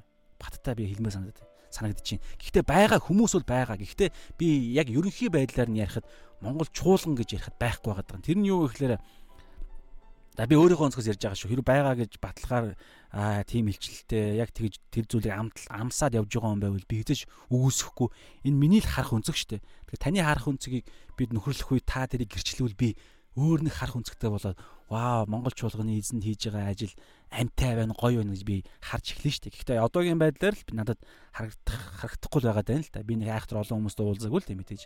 Тэ тэр утгаараа бас би ярьж ин. Гэхдээ яалтчгүй нийгэм тийм байгаад байна зөвхөн монголч ихгүй энэ дэлхий дээр ч гэсэн бас яг энэ тэр хоёр сохорт байсан шиг ойлголт байхгүй байна гэж анзаараад байгаа хөөхгүй. Тэр нь юу гэхээр тэр хоёр сохорт юу байхгүй байсан биднэрт одоо байхгүй юм шиг харагдаж байна вэ? Юу гэхээр тэд нар Есүсийн тушаалыг биелүүлээгүй штэ. Биелүүлэхгүй байх, биелүүлэхгүй баймаар санагдсан тэр нэг юм дотоод тийм нэг юм шалтгаан нэг хүсэл байгаад байгаа байхгүй. Тэр нь гайхалтай. Есүсийг месиа гэж зарлахгүй байхын аргагүй нэг юм дотоод одоо хүч гэдэг юм үнэн мэдсэн. Тэр үнэн ингээд барьж чадахгүй байгаа байхгүй. Тэр хүчийг яриад байна. Үнэн та нарыг чөлөөлн те сайн мэдээнд хүч байдаг гэж байгаа штэ. Тэгээ зөвхөн итгэлээс итгэлд ингэж дамнадаг гэдэг. Энэ нэг юм тэнгэрлэг энэ гайхалтай байна сайн мэдээний хүчийг тэд нэр ингэж мэдэрсэн байгаа даа байхгүй юу? Тэр нь юу вэ гэхээр түрүүн би ингэж ярьж байна те. Есүс Христ бол Месиа. Нөгөө нэг бүх цаг үеийн турш хүлээгдэж исэн түүхэн цор ганц ирэх тэгээд хүн төлөвтний тэр асуудлыг мөнхийн асуудлыг төгс шийдэх тэгээ мөнхөд шийдэх тэр нэгэн ирцэн бай штэ гэдэг асуудал. Яг би бүр мэдэрлээ. Энэ дээр нүдэнд нь хүрч байгаа штэ. Ваа агуу хүчтэй бурхан миний нүдэнд хүрлээ. Одоо ямар ойлголт хэд би бол та мэдэрч чадахгүй байна тийм агуу гайхалтай зүйлийг хуучин гэрээний тэр бичээс нь биелдсэн байна. Тэр нь батлагдлаа. Есүс Христ өөрөө хэн бол Йохан Баптист ч бол үүсгэсэн дээ. Та тэр ирэх ёстой тэр нэгэн мөн месиа мөн нөхөд би месиа биш ээ гэж хэлж байгаа шүү дээ. Тэгээ Илия мөн нөхөд Илияг хүртэл үүсгэж байгаа. Гэтэ яг Есүс Христ бол Йохан Баптистыг бол Илиягийн сүнс үйлчлэлийг авч ирсэн гэдгийг баталдаг те Есүс Христ өөрөө хэлдэг. Гэтэ Йохан тэгэж үүсгдэг месиа бол биш. Гэтэл Есүс Христ энд бол месиа гэдгээ үүсгэх байгаа. Үүсгэх үүсгэх байгаа зү. Итгэлийн чин дагуу болог гэд тэр нь зүү итгэл худлаа итгэл байсан бол идэрэхгүй гэсэн санаа. Гэтэл тэд зүү итгэлтэй байсан учраас наа зүү итгэл чин зүү учраас энэ итгэлийнхаа үр жимсийг аваа гэд нүдэн дээр нь гар тавиад идгээчж байгаа байхгүй. Энэ баталгаа болж тэднэрт месиа гэдгийг баталчихж байгаа. Тийм учраас тэднэрт битгий гэж хэлсээр байтал тэд гараад месиа ирсэн байна гэж орилж хэлж байгаа байхгүй. Тэгэхээр тэр нэг юм сайн мэдээ тараах хүсэл дотоод тэр нэг юм гадагшлах гадаага дэлбэрэх гээд байгаа тэр нэг агуу хүч өнөөдөр байна уу гэдэг асуулт. Байх ёстой цаг нь өнөөдөр биднэрт шин шин гэрээний үед биднэрт уг нь бол би нэг юм чаддаг болчоод ярьж байгаа юм биш. Би өнөөдөр зөвхөн бичээс судлаад энэ бичээс дээр байгаа зүйлийг л гаргаж ирээл таны өмнө өөрийнхөө өмнө тавьж байна. Би өөрөө ч зэмлүүлнэ. Би өөрөө ч гимшин. Яг ялгаа байхгүй. Би зөвхөн ингээл гаргаж ирээл тавьж байгаа. Дараагийн миний хийх ёстой зүйл юу гэхээр би дуулууртай байх. Яг л бид бүгд адилхан. Би чадахгүй бол тэгэл адилхан би тэгэл нөгөө нэг үйлсгүй ихтгэлтэн болоод би явна шүү дээ. Ялгаа байхгүй яг адилхан. Номлогч нар ч гэсэн яг адилхан байхгүй да. Тийм учраас тийм учраас Есүс Христ хүртэл хэлдэг шүү дээ. Фарисеучүүдийн зааж байгаа зүйлсийг та нар бүгдийг нь биелүүл. Гэхдээ үйлдэж байгааг нь битгий биелүүл гэж хэлдэг дээ Есүс. Тэгэхээр энэ зааж байгаа зүйл чинь дангаараа бол үнэн байвал тэгэл болж байгаа. А дараа нь хэрэгжүүлж чадахгүй бол тэр бол өөр юу а тэр хүн чинь буруутан болоод явна хичнээн өөрөө заасан ч гэсэн. Тэгэхээр энд хэлж байгаа санаа өнөөдөр хардаа биднэрт Есүс Христ энэ хоёр сохортой уулзахтаа бол намайг аврагч гэдгийг тэ аврагч тослогдож аврахаар тослогдож ирсэн аврагч гэдгийг битгий тэр хаан мөнхийн хаанчлал те тэрийг битгий хилээрэ гэж хэлсэн. Өнөөдөр биднэрт юу гэж хэллээ? Хилээрэ гэж хэлсэн. Хэлэхдээ бүр яв.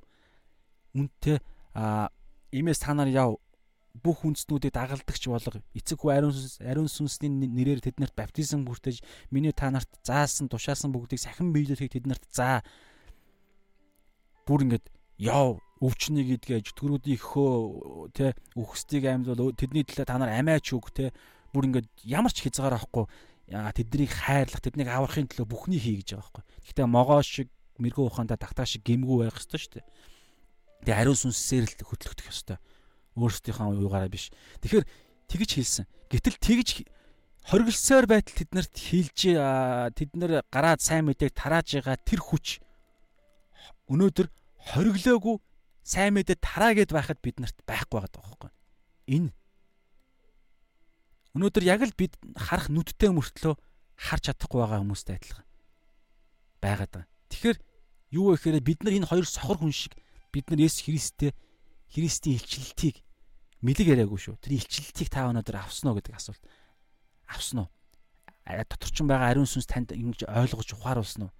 Нэгдүгээр, хоёрдугаар тэрийг та амьдрал дээрээ мэдэрч амсаж амсаж амталж тэр одоо тэр баталгаа танд орж ирсэн үү? Одоо тэр хоёр сохрын нүд нь идгсэн шүү дээ. Тэгэхээр орж ирээгүй бол бид юу хүлээгээд байгаа юм бэ? Залбирал өөгцсөн шүү дээ. Бид залбирая л да. Эзэн минь ээ. Та гайхамшигаа бидний амьд үзүүлнэ ш. Тэгээ загалмайдар болсон зүйл чинь гайхамшиг дээ. Тэр хоёр сохор хүн эхэлж сонссон. Тэгээ сонссондоо итгэсэн учраас тэр нь гайхамшиг гайхамшигийн бат дараагийн зүйл рүү оруулж байгаа хгүй. Тэгэхээр бид итгэл байна уу? гэдэг асуулт. За тэгээд сүүлд нь одоо энэ хамгийн сүүлд нэг юм ойлголт байгаа.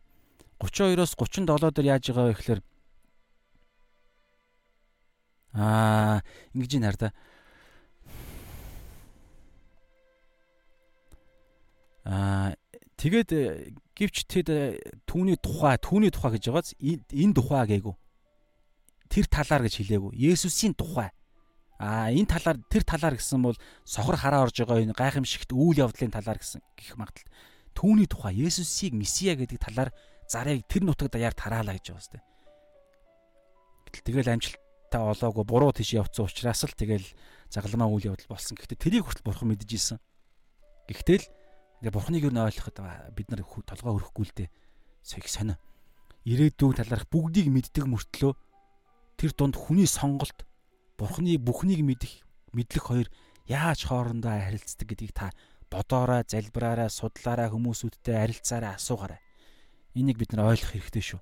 Тэгэхгүй бол та ман дунд явсаар л байх болно. Энэ дунд чинь бид нар аа мэднийг чөтгөрүүд мэхэлсээр л байх болно. Тийм учраас энэний та уялдаа холбоог ойлгоорой. Ойлгож чадна. Та аврагдсан ариун сүнс дотор байгаа бол тослогоо чинь бид нарт заана гэж байгаа. Тэгээ заахта а чуулган дотор ахан дүүс нарын харилцаанд дунд бид нар өөрийнхөө ойлгосон зүйлдээ би танд ярьлаа. Ариун сүнстэй нэгэн болвол те ингэж бид нар долгион таарж ойлголцсон хэрэг буруу юм ойлгосон байвал засаж залруулна эсвэл хамтдаа ойлгоно ингээ бие биендээ тэр бэлгүүдийг хуваалцсан. Тэгэхээр биднэрт нэг юм асуулт байж шүү те. Аа түрүүний ярьсан асуулт. За тэгээд ингэж энэ хардаа тэднийг дөнгөж гартал нөгөө хоёр сохор хүний дөнгөж гартал одоо энэ дэр нэг чухал юм байгаа. Жүтгэр шүглсэн гэж байгаа. Нэг хүн ирж байгаа байхгүй юу? Тэр хүн хүн хоёр төлөв байдалд байгаа. Нэгдүгээрт нь тэр хүн жүтгэр шүглсэн хүн байсан. Нэгдүгээрт хоёрдугаар тэр хүн хилгүү байсан. Энэ их онцгой тохиолдол гинэ. Тэгээд түүн дээр авчирсан. Тэгээд чөтгөр нь тэгэхэд Есүс түүний чөтгөрийг нь хөөн зайлуулж байгаа байхгүй? Тэгсэн чинь нөгөө чөтгөр шүглсэн үний чөтгөр нь байхгүй болоод хилгүү байсан үн ярьж эхэлж байгаа. Тэгээд одоо энэний дараагийн энд хэлэх үг нэг сонирхолтой. Хурсан олон гайхаж Израильд ийм юм хизээж үзэж байгаагүй гэцгээ хөвж байгааз сонирхолтой. Үүнээс өмнө ийм юусаа болж байгаагүй гэсэн санаа. Гэтэл өмнө Есүс тэгэл өвөө хилгүү хүмүүсүүдийг хилтэй болгож молгоод гайхамшиг үйлдэлсэн чөтгөрүүдийн хөөн зайлуулсан юм байгаа шүү дээ. Хоёр хоёр нэг легион гэсэн асар олон чөтгөр шүглсэн хоёр хүнийг те хоёр ч юм уу нэг ч юм уу те хоёр хүн байсан боловч нэг нь легион уу хоёулаа легионтой байсан уу те мэдэхгүй байна. Ямар ч байсан нэг хүн гол дүр тоглож байгаа бичээст байгаа. Тэгэхээр чөтгөрийг хөөжсөн тохиол зөндөө болж исэн Израильд буюу тэр Есүс Христ те хөөж исэн хилгүү хүмүүсүүдийг төрөл бүрийн өвчтөе хүмүүсүүдийг ихэт нь идгээлээ гэд байгаа. бид нар үзсэн.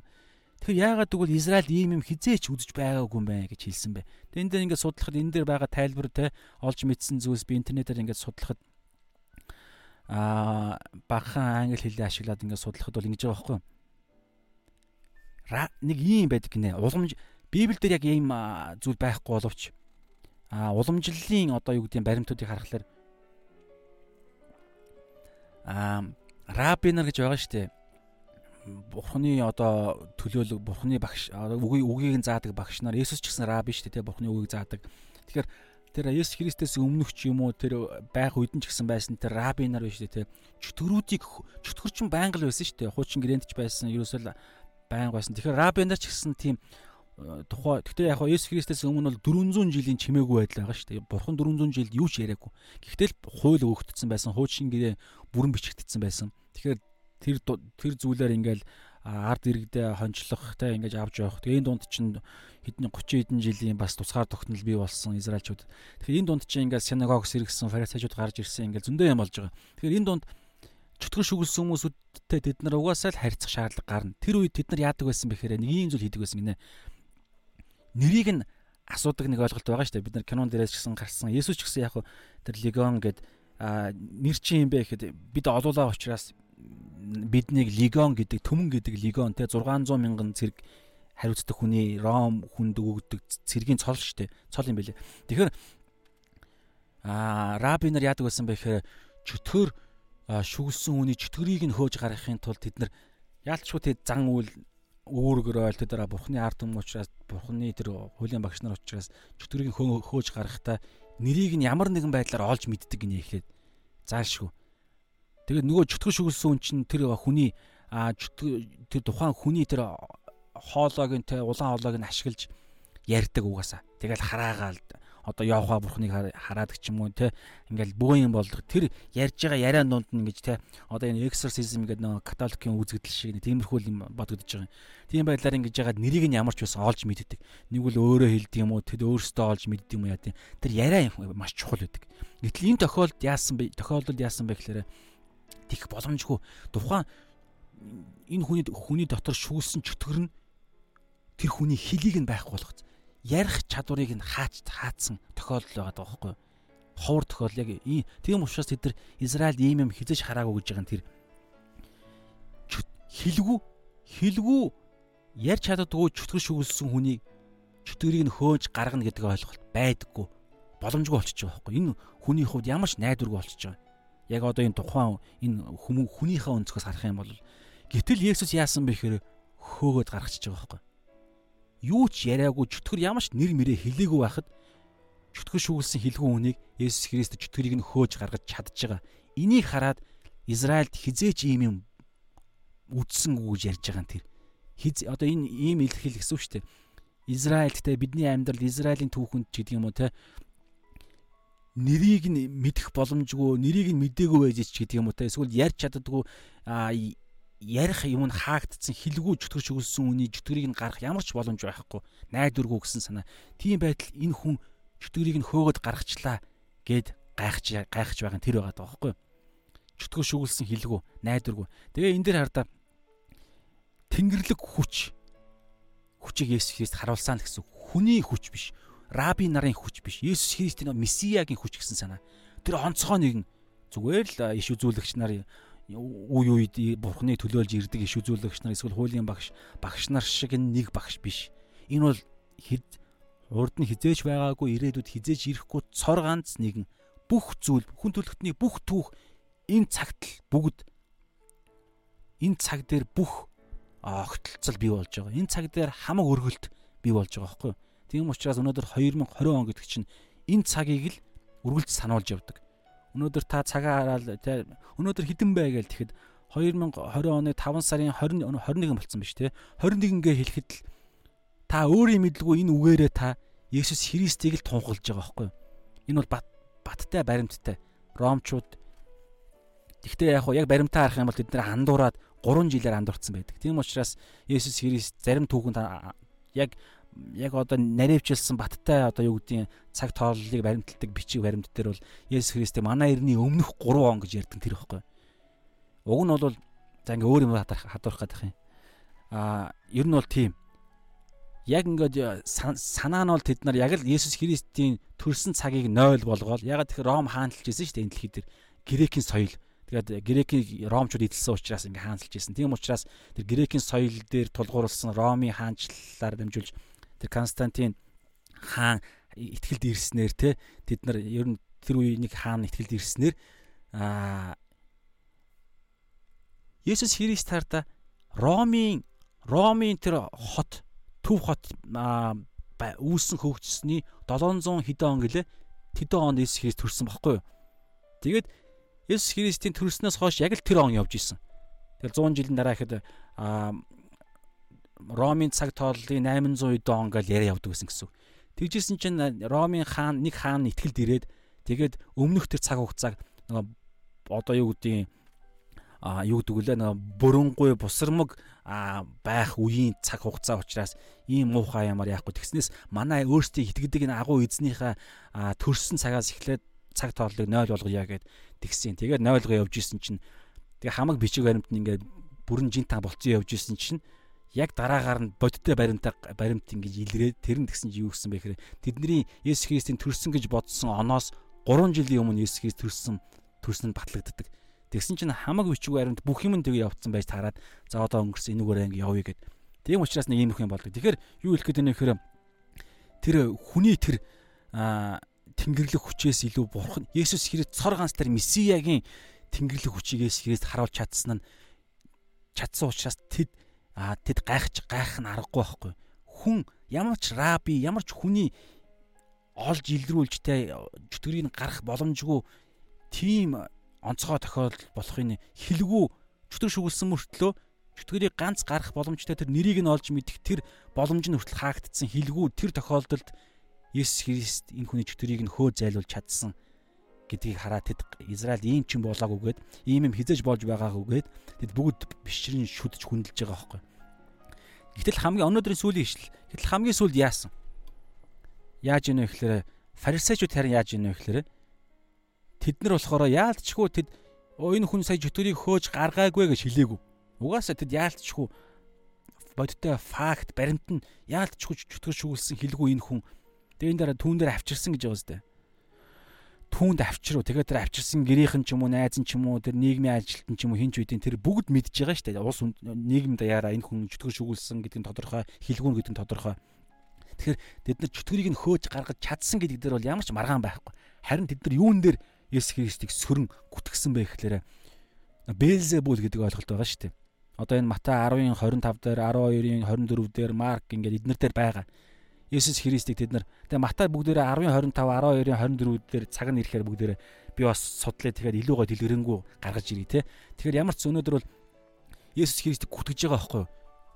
Бэлзебул гэж Есүс Христийг гүтгсэн чөтгөрийн захирагч гэдэг чинь яг Бэлзебул гэсэн санаа. Тэгэхээр сатантай хамтрагч сатааны тал гэж хэл гүтгсэн гэсэн үг байхгүй. Яагаад вэ гэхээр сатан л сатааныхаа нэрийг мэднэ шүү дээ. Тэ? Мэднэ тэ? гэсэн тэд ойлголт байгаа байхгүй. Тэд нар өөрсдөө тэр хамсаатан учраас л тагнуулж гэдэг юм уу хамсаатан учраас л тэд наамны дүр эсгэж тэ одоо юу гэдэг өөрийгөө месиа гэж харуулж биднийг хуурахын тулд бидний авралыг тэ бидний ариун байдлыг бузарлахын тулд тэд нар хоорондоо юм бузар муу чөтгөрийн энэ Паул хүртэл ямар итгэцэн байлаа. Тэгээд Дамаск руу итгэгч нарыг алах га явж байгаа шүү дээ. Тэгэхээр тэр итгэл амар байсан байгаа даахгүй тийм хуучин гэрээнийхээ бичээстэй итгэсэн тэр амар тийм одоо юу гэдэг үнэнч гэсэн үг. Бичээсээ асар тийм нандинг хамгаалдаг гэсэн үг. Тэгээд тэр нь эргэх үед тэр нь ямар агуу гайхалтай хүч болж тэгээд тэр Паулын хүчээр л өнөөдөр Монголд энэ дэлхийн ертөнцид хариу үндэстэнд аврал ирж байгаа шүү дээ. Авралын тэр элч нь болж байгаа. Хариу үндэстний элч гэдэг. Тэгэхээр тийм гайхалтай юм болгож эзэн тэр гайхалтай юм хийсэн. Тэгэхээр тэр Израильчууд фарисе Паул ч өөрөө бас фарисе шүү дээ. Фарисе хүн байсан. Тэгэхээр фарисеучуд тэгж Есүс Христийг үзэн ядаж өөрсдийнх нь эрх мэдлийг нь авах гэж оролдож байгаа. Тэ өөртөөс нь илүү байгаад байгаа учраас тэгж тийм одоо юу гэдэг аргаа барсан арга хэрэгжилж байгаа юм байхгүй. Оо энэ хүн чинь чөтгөртэй хамтрагч юм байна гэж хэлсэн. Тэгэхээр эндээс бид нар юу харах вэ гэхээр Месиа гэд хоёр нүдтэй хамаг бичээстэй байсан нүдэн дээр нь бүх батлах баталгаанууд нь болж болоод байтал тэд нар зарим нь итгээгүй. Одоо тэнд юу ажиллах вэ? Одоо жишээ нь энд хоёр сохор хүн гараад түүний талаар хаасайгуу ярьж эхэлсэн буюу месиа гэдгийг зарласан байна шүү дээ. Тэгээд сохор гэдэг баталгаа нь баталгаа нь болсон тэр хүн нь өөрөө месиа ирчихээ аврагч ирчихээ гэд өнөөдөр бол бид нар бас адилхан Есүс Христийг аврагч ирсэн гэж сайн мэдээ тараа дээ. Тэрнтэй адилхан аврагч ирчихээ гэхэд тэд баталгааг нь ч хараад аа хараад тэр үгийг нь ч гэсэн ингэж ойлгоод байгаа мөртлөө харах нүд сохор хүн хараа орцсон харах нүд нь байна те ойлгож байгаа жихэн байсаар байтал тэд итгэхгүй байсан. Яагаад гэвэл зөндөө олон хүмүүс месиагийн месиа гэдэг тэр сайн мэдээ хоёр сохрын сайн мэдээ сонссон мөртлөө дараагаар нь юу болж хөрдөг үлээ загалмаа дээр хаддаг штеп. Тэгэхээр тэр нь хүртэл асар том төлөвлөгөө байгаа л да. Нэгдүгээрт хариу үйлдэл ярьж байгаа. Хоёр сохор итгэсэн, сохор мөртлөө итгэсэн, дараагаар нь хараатай мөртлөө итгээгүй, гуравдугаарт хараатай мэдлэгтэй мөртлөө тэд бүр эсэргүүцэж дайсхансан. Гурав дахь тохиолдол нь тэр байдаг байхгүй. Фарисеучуд. Тэгэхээр өнөөдрийн дүгнэлт энийг яриа тавиад цөмөр өндөрлөө. Аа биш. Ийм хардаа Есүс Христийн өнөөдөр та бидэнд хамааралтай зүйл. Өнөөдөр бид цуглаан дээр чимээгөө цагаараа Библи уншихдаа, залбирахдаа, магтахдаа бидний Христ итгэлтэй холбогдлолтой хийдэг бүх юмд гол хамгийн цаад гол утга учир шалтгаан эзэн тэ их усүрээ авах бүх зүйлийг Есүсийн төлөө тэр бүх зүйл болж байгаа тэр Есүсийг бид нэгдүгээрт хэн гэдэгт нь бид юу гэж итгэдэг вэ гэдэг асуултыг та заавал тавиарай. Есүс Христ таны хувьд хэн бэ? Тэгэхэд таны хувьд гэж би сая яг хэлжлээ шүү дээ. Гэхдээ ингэж хэлснээр та Есүс Христийг өөрийнхөө хувьд хэн байлгамаар байна гэж би хэлээгүй шүү. Та Есүс Христийн цор ганц л дүр төрх байгаа. Өнөөдөр хэлж байна. Месиа, Бурхны хүү аврагч хүний хүү бурхны хүү гэдгийг та ойлгох хэрэгтэй. Энийг та бас сайсан судлаараа залбираарай. Би бас яриад яваад байгаа. Тэгэхээр Есүс Христ яг жинхэнэ ертөнцид ертөнц ертөнцийн одоо энэ яг үнэн одоо энэ химжигдэхүүнд те хинбэ гэдгийг одоо Библийн дагуу өгсөн шүү дээ. Яг хинбэ гэдгийг та олж мэдээ тэр яг таны хувьд тэр нэгэн мөн үү гэдэг асуулт асуулт гэсэн үг байхгүй юу? Есүс Христ таны хувьд хинбэ гэж байгаа нь Есүс Христ бичээсийн дагууг та их л заавал олж мэднэ. Тэгээд тэр нэгэн та өөр тэр нэгэн Библийн дагуу байгаа Есүс Христ бол тэр юм а гэдгийг олон илэрхийлэл байгаа шүү дээ. Гэхдээ ямар ч байсан гол илэрхийлэл ч юм уу эсвэл тэр бүгд хамтдаа хэн гэдэг дүр төрхийг бий болгож байна. Тэрийг та заавал олж мэдэх шаардлагатай. Тэгэхгүй бол бид чөлөөлөгдөхгүй. Үнэн та нарыг чөлөөлнө гэж байгаа. Үгэн дотор нь байх боломжгүй болчихно. Заавал бид олж мэднэ, судлан Библийг уншина. Тэгээд тэр нэгэн дараагийн асуулт нь юу гэхээр тэр нэгэн таны хувьд яг тэр нэг мөн үү? За мэдлэгээ хувьд тэр л юм байна. Библи тэгж хэлдэг юм байна. Израильчууд те бичээсийн хамгийн сүүлийн ном манай эртний 90-ад оны үед бичигдсэн шүү дээ. Гэтэл 2000 жилийн дараа уншиж байгаа тэр нэг тэр мэдээлэл 2000 2000 орчим жилийн өмнөх мэдээллийг та олж мэдчихээ сууж шүү дээ. Гэтэ тэр нэгэн яг таны хувьд тэр нэгэн муу юм уу гэдэгт эхнийх нь хэн гэдэгт Есүсийн. Хоёрдугаарт тэр нэгэн ямар нэгэн тэр нэгэн чи юу хийдэг Тэ ямар ямар нэгэн гэдэг юу хийдэг те? Танд ямар хамааралтай юм? Танд юу хийсэн?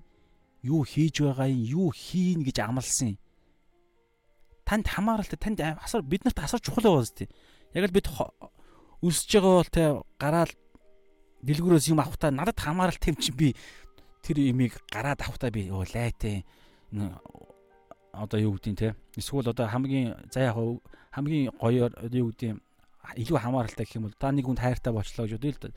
Тэгэл амар маш их хайртай хүн дээр та очихдоо ёо лайтай энэ хайр марчинд одоо юу гэх хайр хайр чинь муухай юм биш шүү дээ. Гоё мэдрэмжтэй би тэнтэй адилхан ярих гэдэг юм л да тийм хамааралтай тийм гоё мэдрэмж мэдрэмжийнхаа төлөө та эрэл хайгуул хийж байгаа шүү дээ. Одоо чинь хайртай хүн дээр очих хайртай хүндээ уулзах чинь муухай дарамт биш үсттэй одоо бид нар ингээ заримдаа тийш харах гэдэг байгаа байхгүй. Библи судлах ч юм уу залбирах ч юм уу магтаалын цаг ч юм уу цуглаан дээр очих ч юм уу үйлчлэх хүртэл чухал шүү.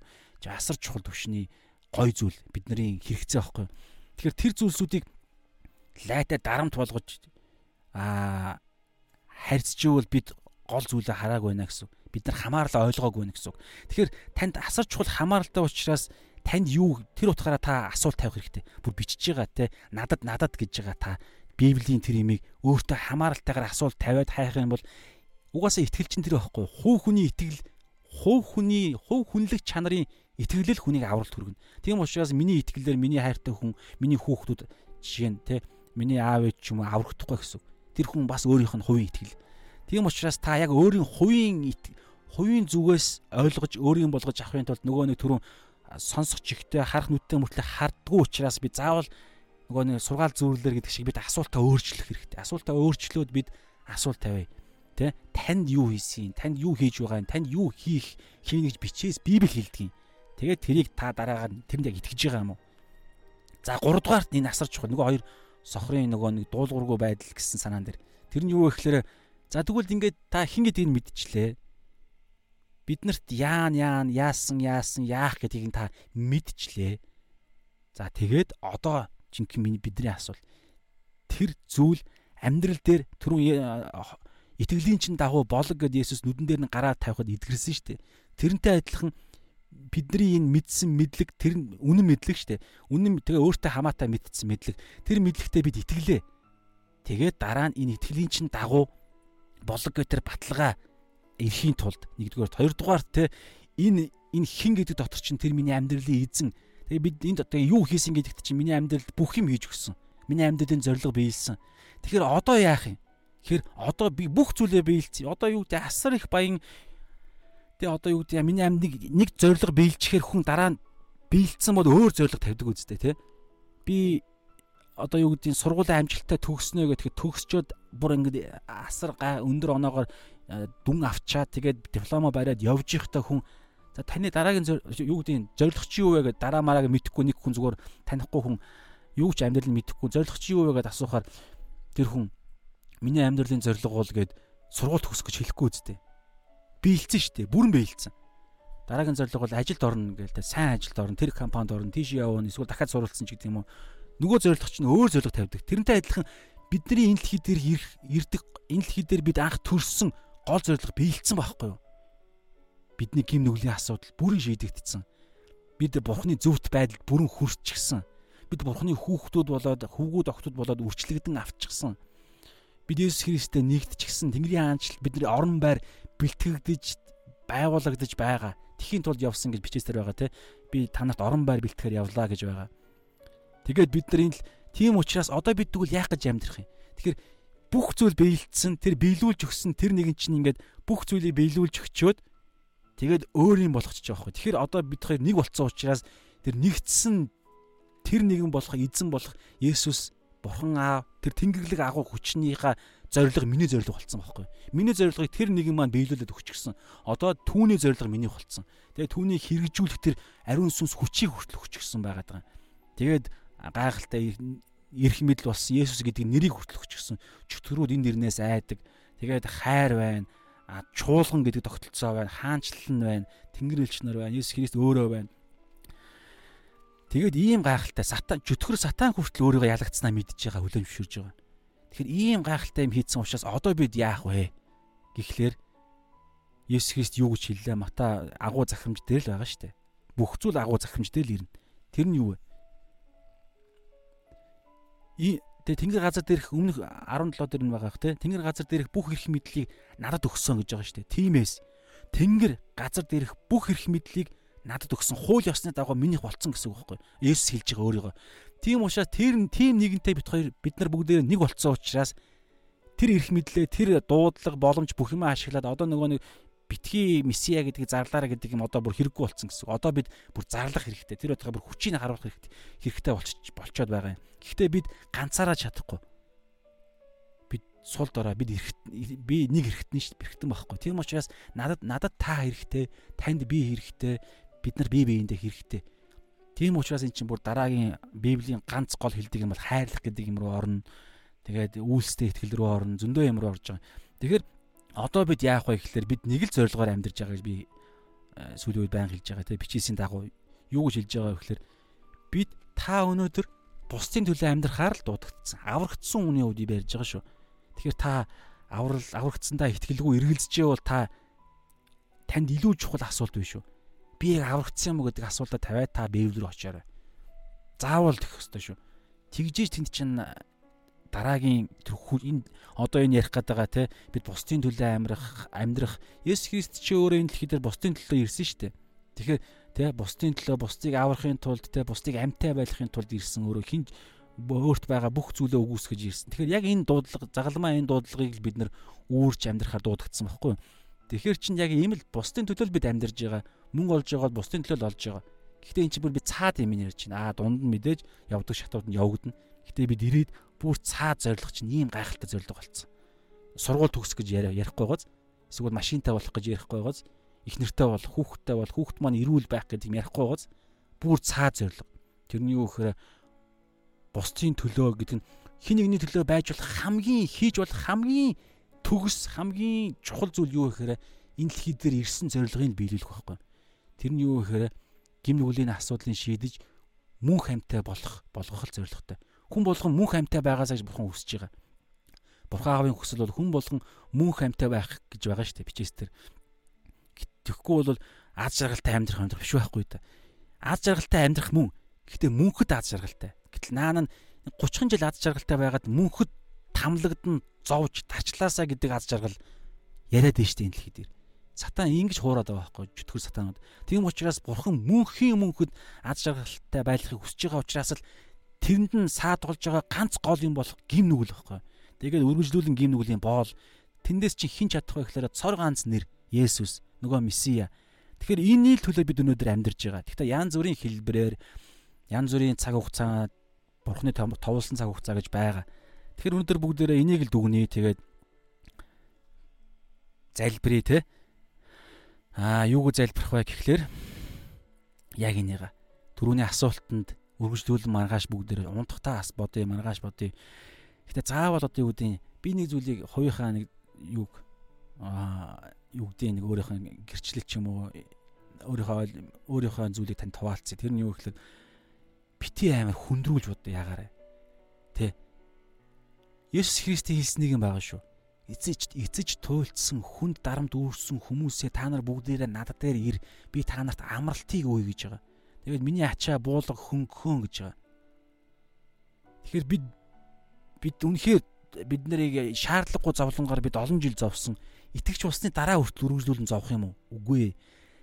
Тийм учраас бид хэрв танд амар ядаргаатай бол та зүгээр амар заяа. Гэхдээ энийгээ та аим маш тийм түрүүн ярьсан тийм хайртай хүнтэйгээ уулзж байгаа юм шиг хайртай одоо юу гэдэг хайртай маш тийм дуртай танд хамгийн гоё байдлаар та эдгээр асуултанд хамгийн хэрэгцээтэй чухал байдлаар Тэгэд чухал байдлыг та ойлгож чадахгүй бол тэр хамаарлыг та асуугаад библи судал. Есүс Христийн хин гэдэг надтай юу ямар надад ямар хамаатай юм. Есүс Христийн яг хин бэ гэдгийг мэдэх нь надад яагаад чухал юм гэдэг асуулт тавьж болж шít. Эн чинь илүү гоё байгаад байгаа байхгүй. Түүнээс зүгээр ямар ч хамааралгүй хэрэггүй нэг Есүс Христ бол тийм юм гэсэн юм судлаад танд ямар ч хамааралгүй бол энэ аа байгаа онохгүй болоод байгаа байхгүй. Тэгээд магадгүй нөгөө нэг жинхэнэ одоо юу гэдгийг харах ёстойгоо харж чадахгүй сохор хүн болох үед тийм учраас бүгдээрээ маш тийм үннээр бүгдээрээ судлаа сурыг. Тэгээ үүний төлөө бүгдээрээ залбираад өнөрлөе. За.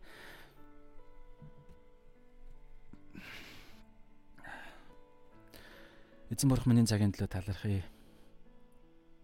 Хэдийгээр оройтсон ч гэсэн эзэн маш чухал зүйлийг би хувьдаа үнэхээр сураад талархаж байна эзэн. Тэгээ энэ зүйлийг мартахгүй байхад туслаараа. Тэгээ мартахгүй гэдэгтээ би үнэхээр итгэлтэй байна. Яагаад вэ гэхээр энэ миний амь нас миний эрх ашиг яригдж байгаа учраас би өөрийнхөө дуртай зүйлээ мартна гэж юу байх вэ эзэн минь би төрсөн өдрөө бид мартдаггүй бид төрсөн өдөр өдөртөө л бид баярлаж хайртай хүмүүс маань биднийг баярлуулж бид тэнд гайхалтай дурсамжийг бий болгодог эзэн Тэгэхээр дуртай зүйлээ хүн мартна гэж юу байх вэ? Тийм учраас яг энтэй адилхан Есүс Христ та хин бэ гэдэг. Та миний хин бэ? Миний хувьд хин бэ? Та надад юу хийсэн бэ? Та намайг одоо юу болгосон бэ? Та миний төлөө юу хийсэн бэ? Миний энэ дэлхий дээр ирсэн зориг, миний амьдарч байгаа байдал юу болсон юм бэ гэдэг талаар миний талаар яригдж байгаа учраас би хизээж мартахгүй эзэн минь. Харин тэгж хүлээж авахгүй бол бид мартдаг эзэн. Тийм учраас аваа өнөөдрөөс дахин биднийг шинчилж дахин биднийг тогон цохиулах мэт ингэж сэргээж байгаа учраас талархаа эзэн минь тэгээд Библийг унших болгондоо би мэдлэг бишээ. Миний хувьд миний их ашиг яригдж байгаа учраас бид өөрсдийнхөө төлөө тантай уулзмаар байна эзэн минь. Тэгхэл юм бол бид өөрсдийнхөө тэр ойлгож ухаарсан зүйлээ бусдаа гэрчлэх болно эзэн. Энэ үед хүмүүс бидний нүднээс, бидний амьдралаас, бидний амьдралын өөрчлөлтөөс Есүс таныг сар нарыг ойлгоод тусгалыг нь харж шүн гэрэлтдэг шиг л бид энэ дэлхий дээр таны тусгалыг бид гэрэлтүүлэх болно эзэн минь.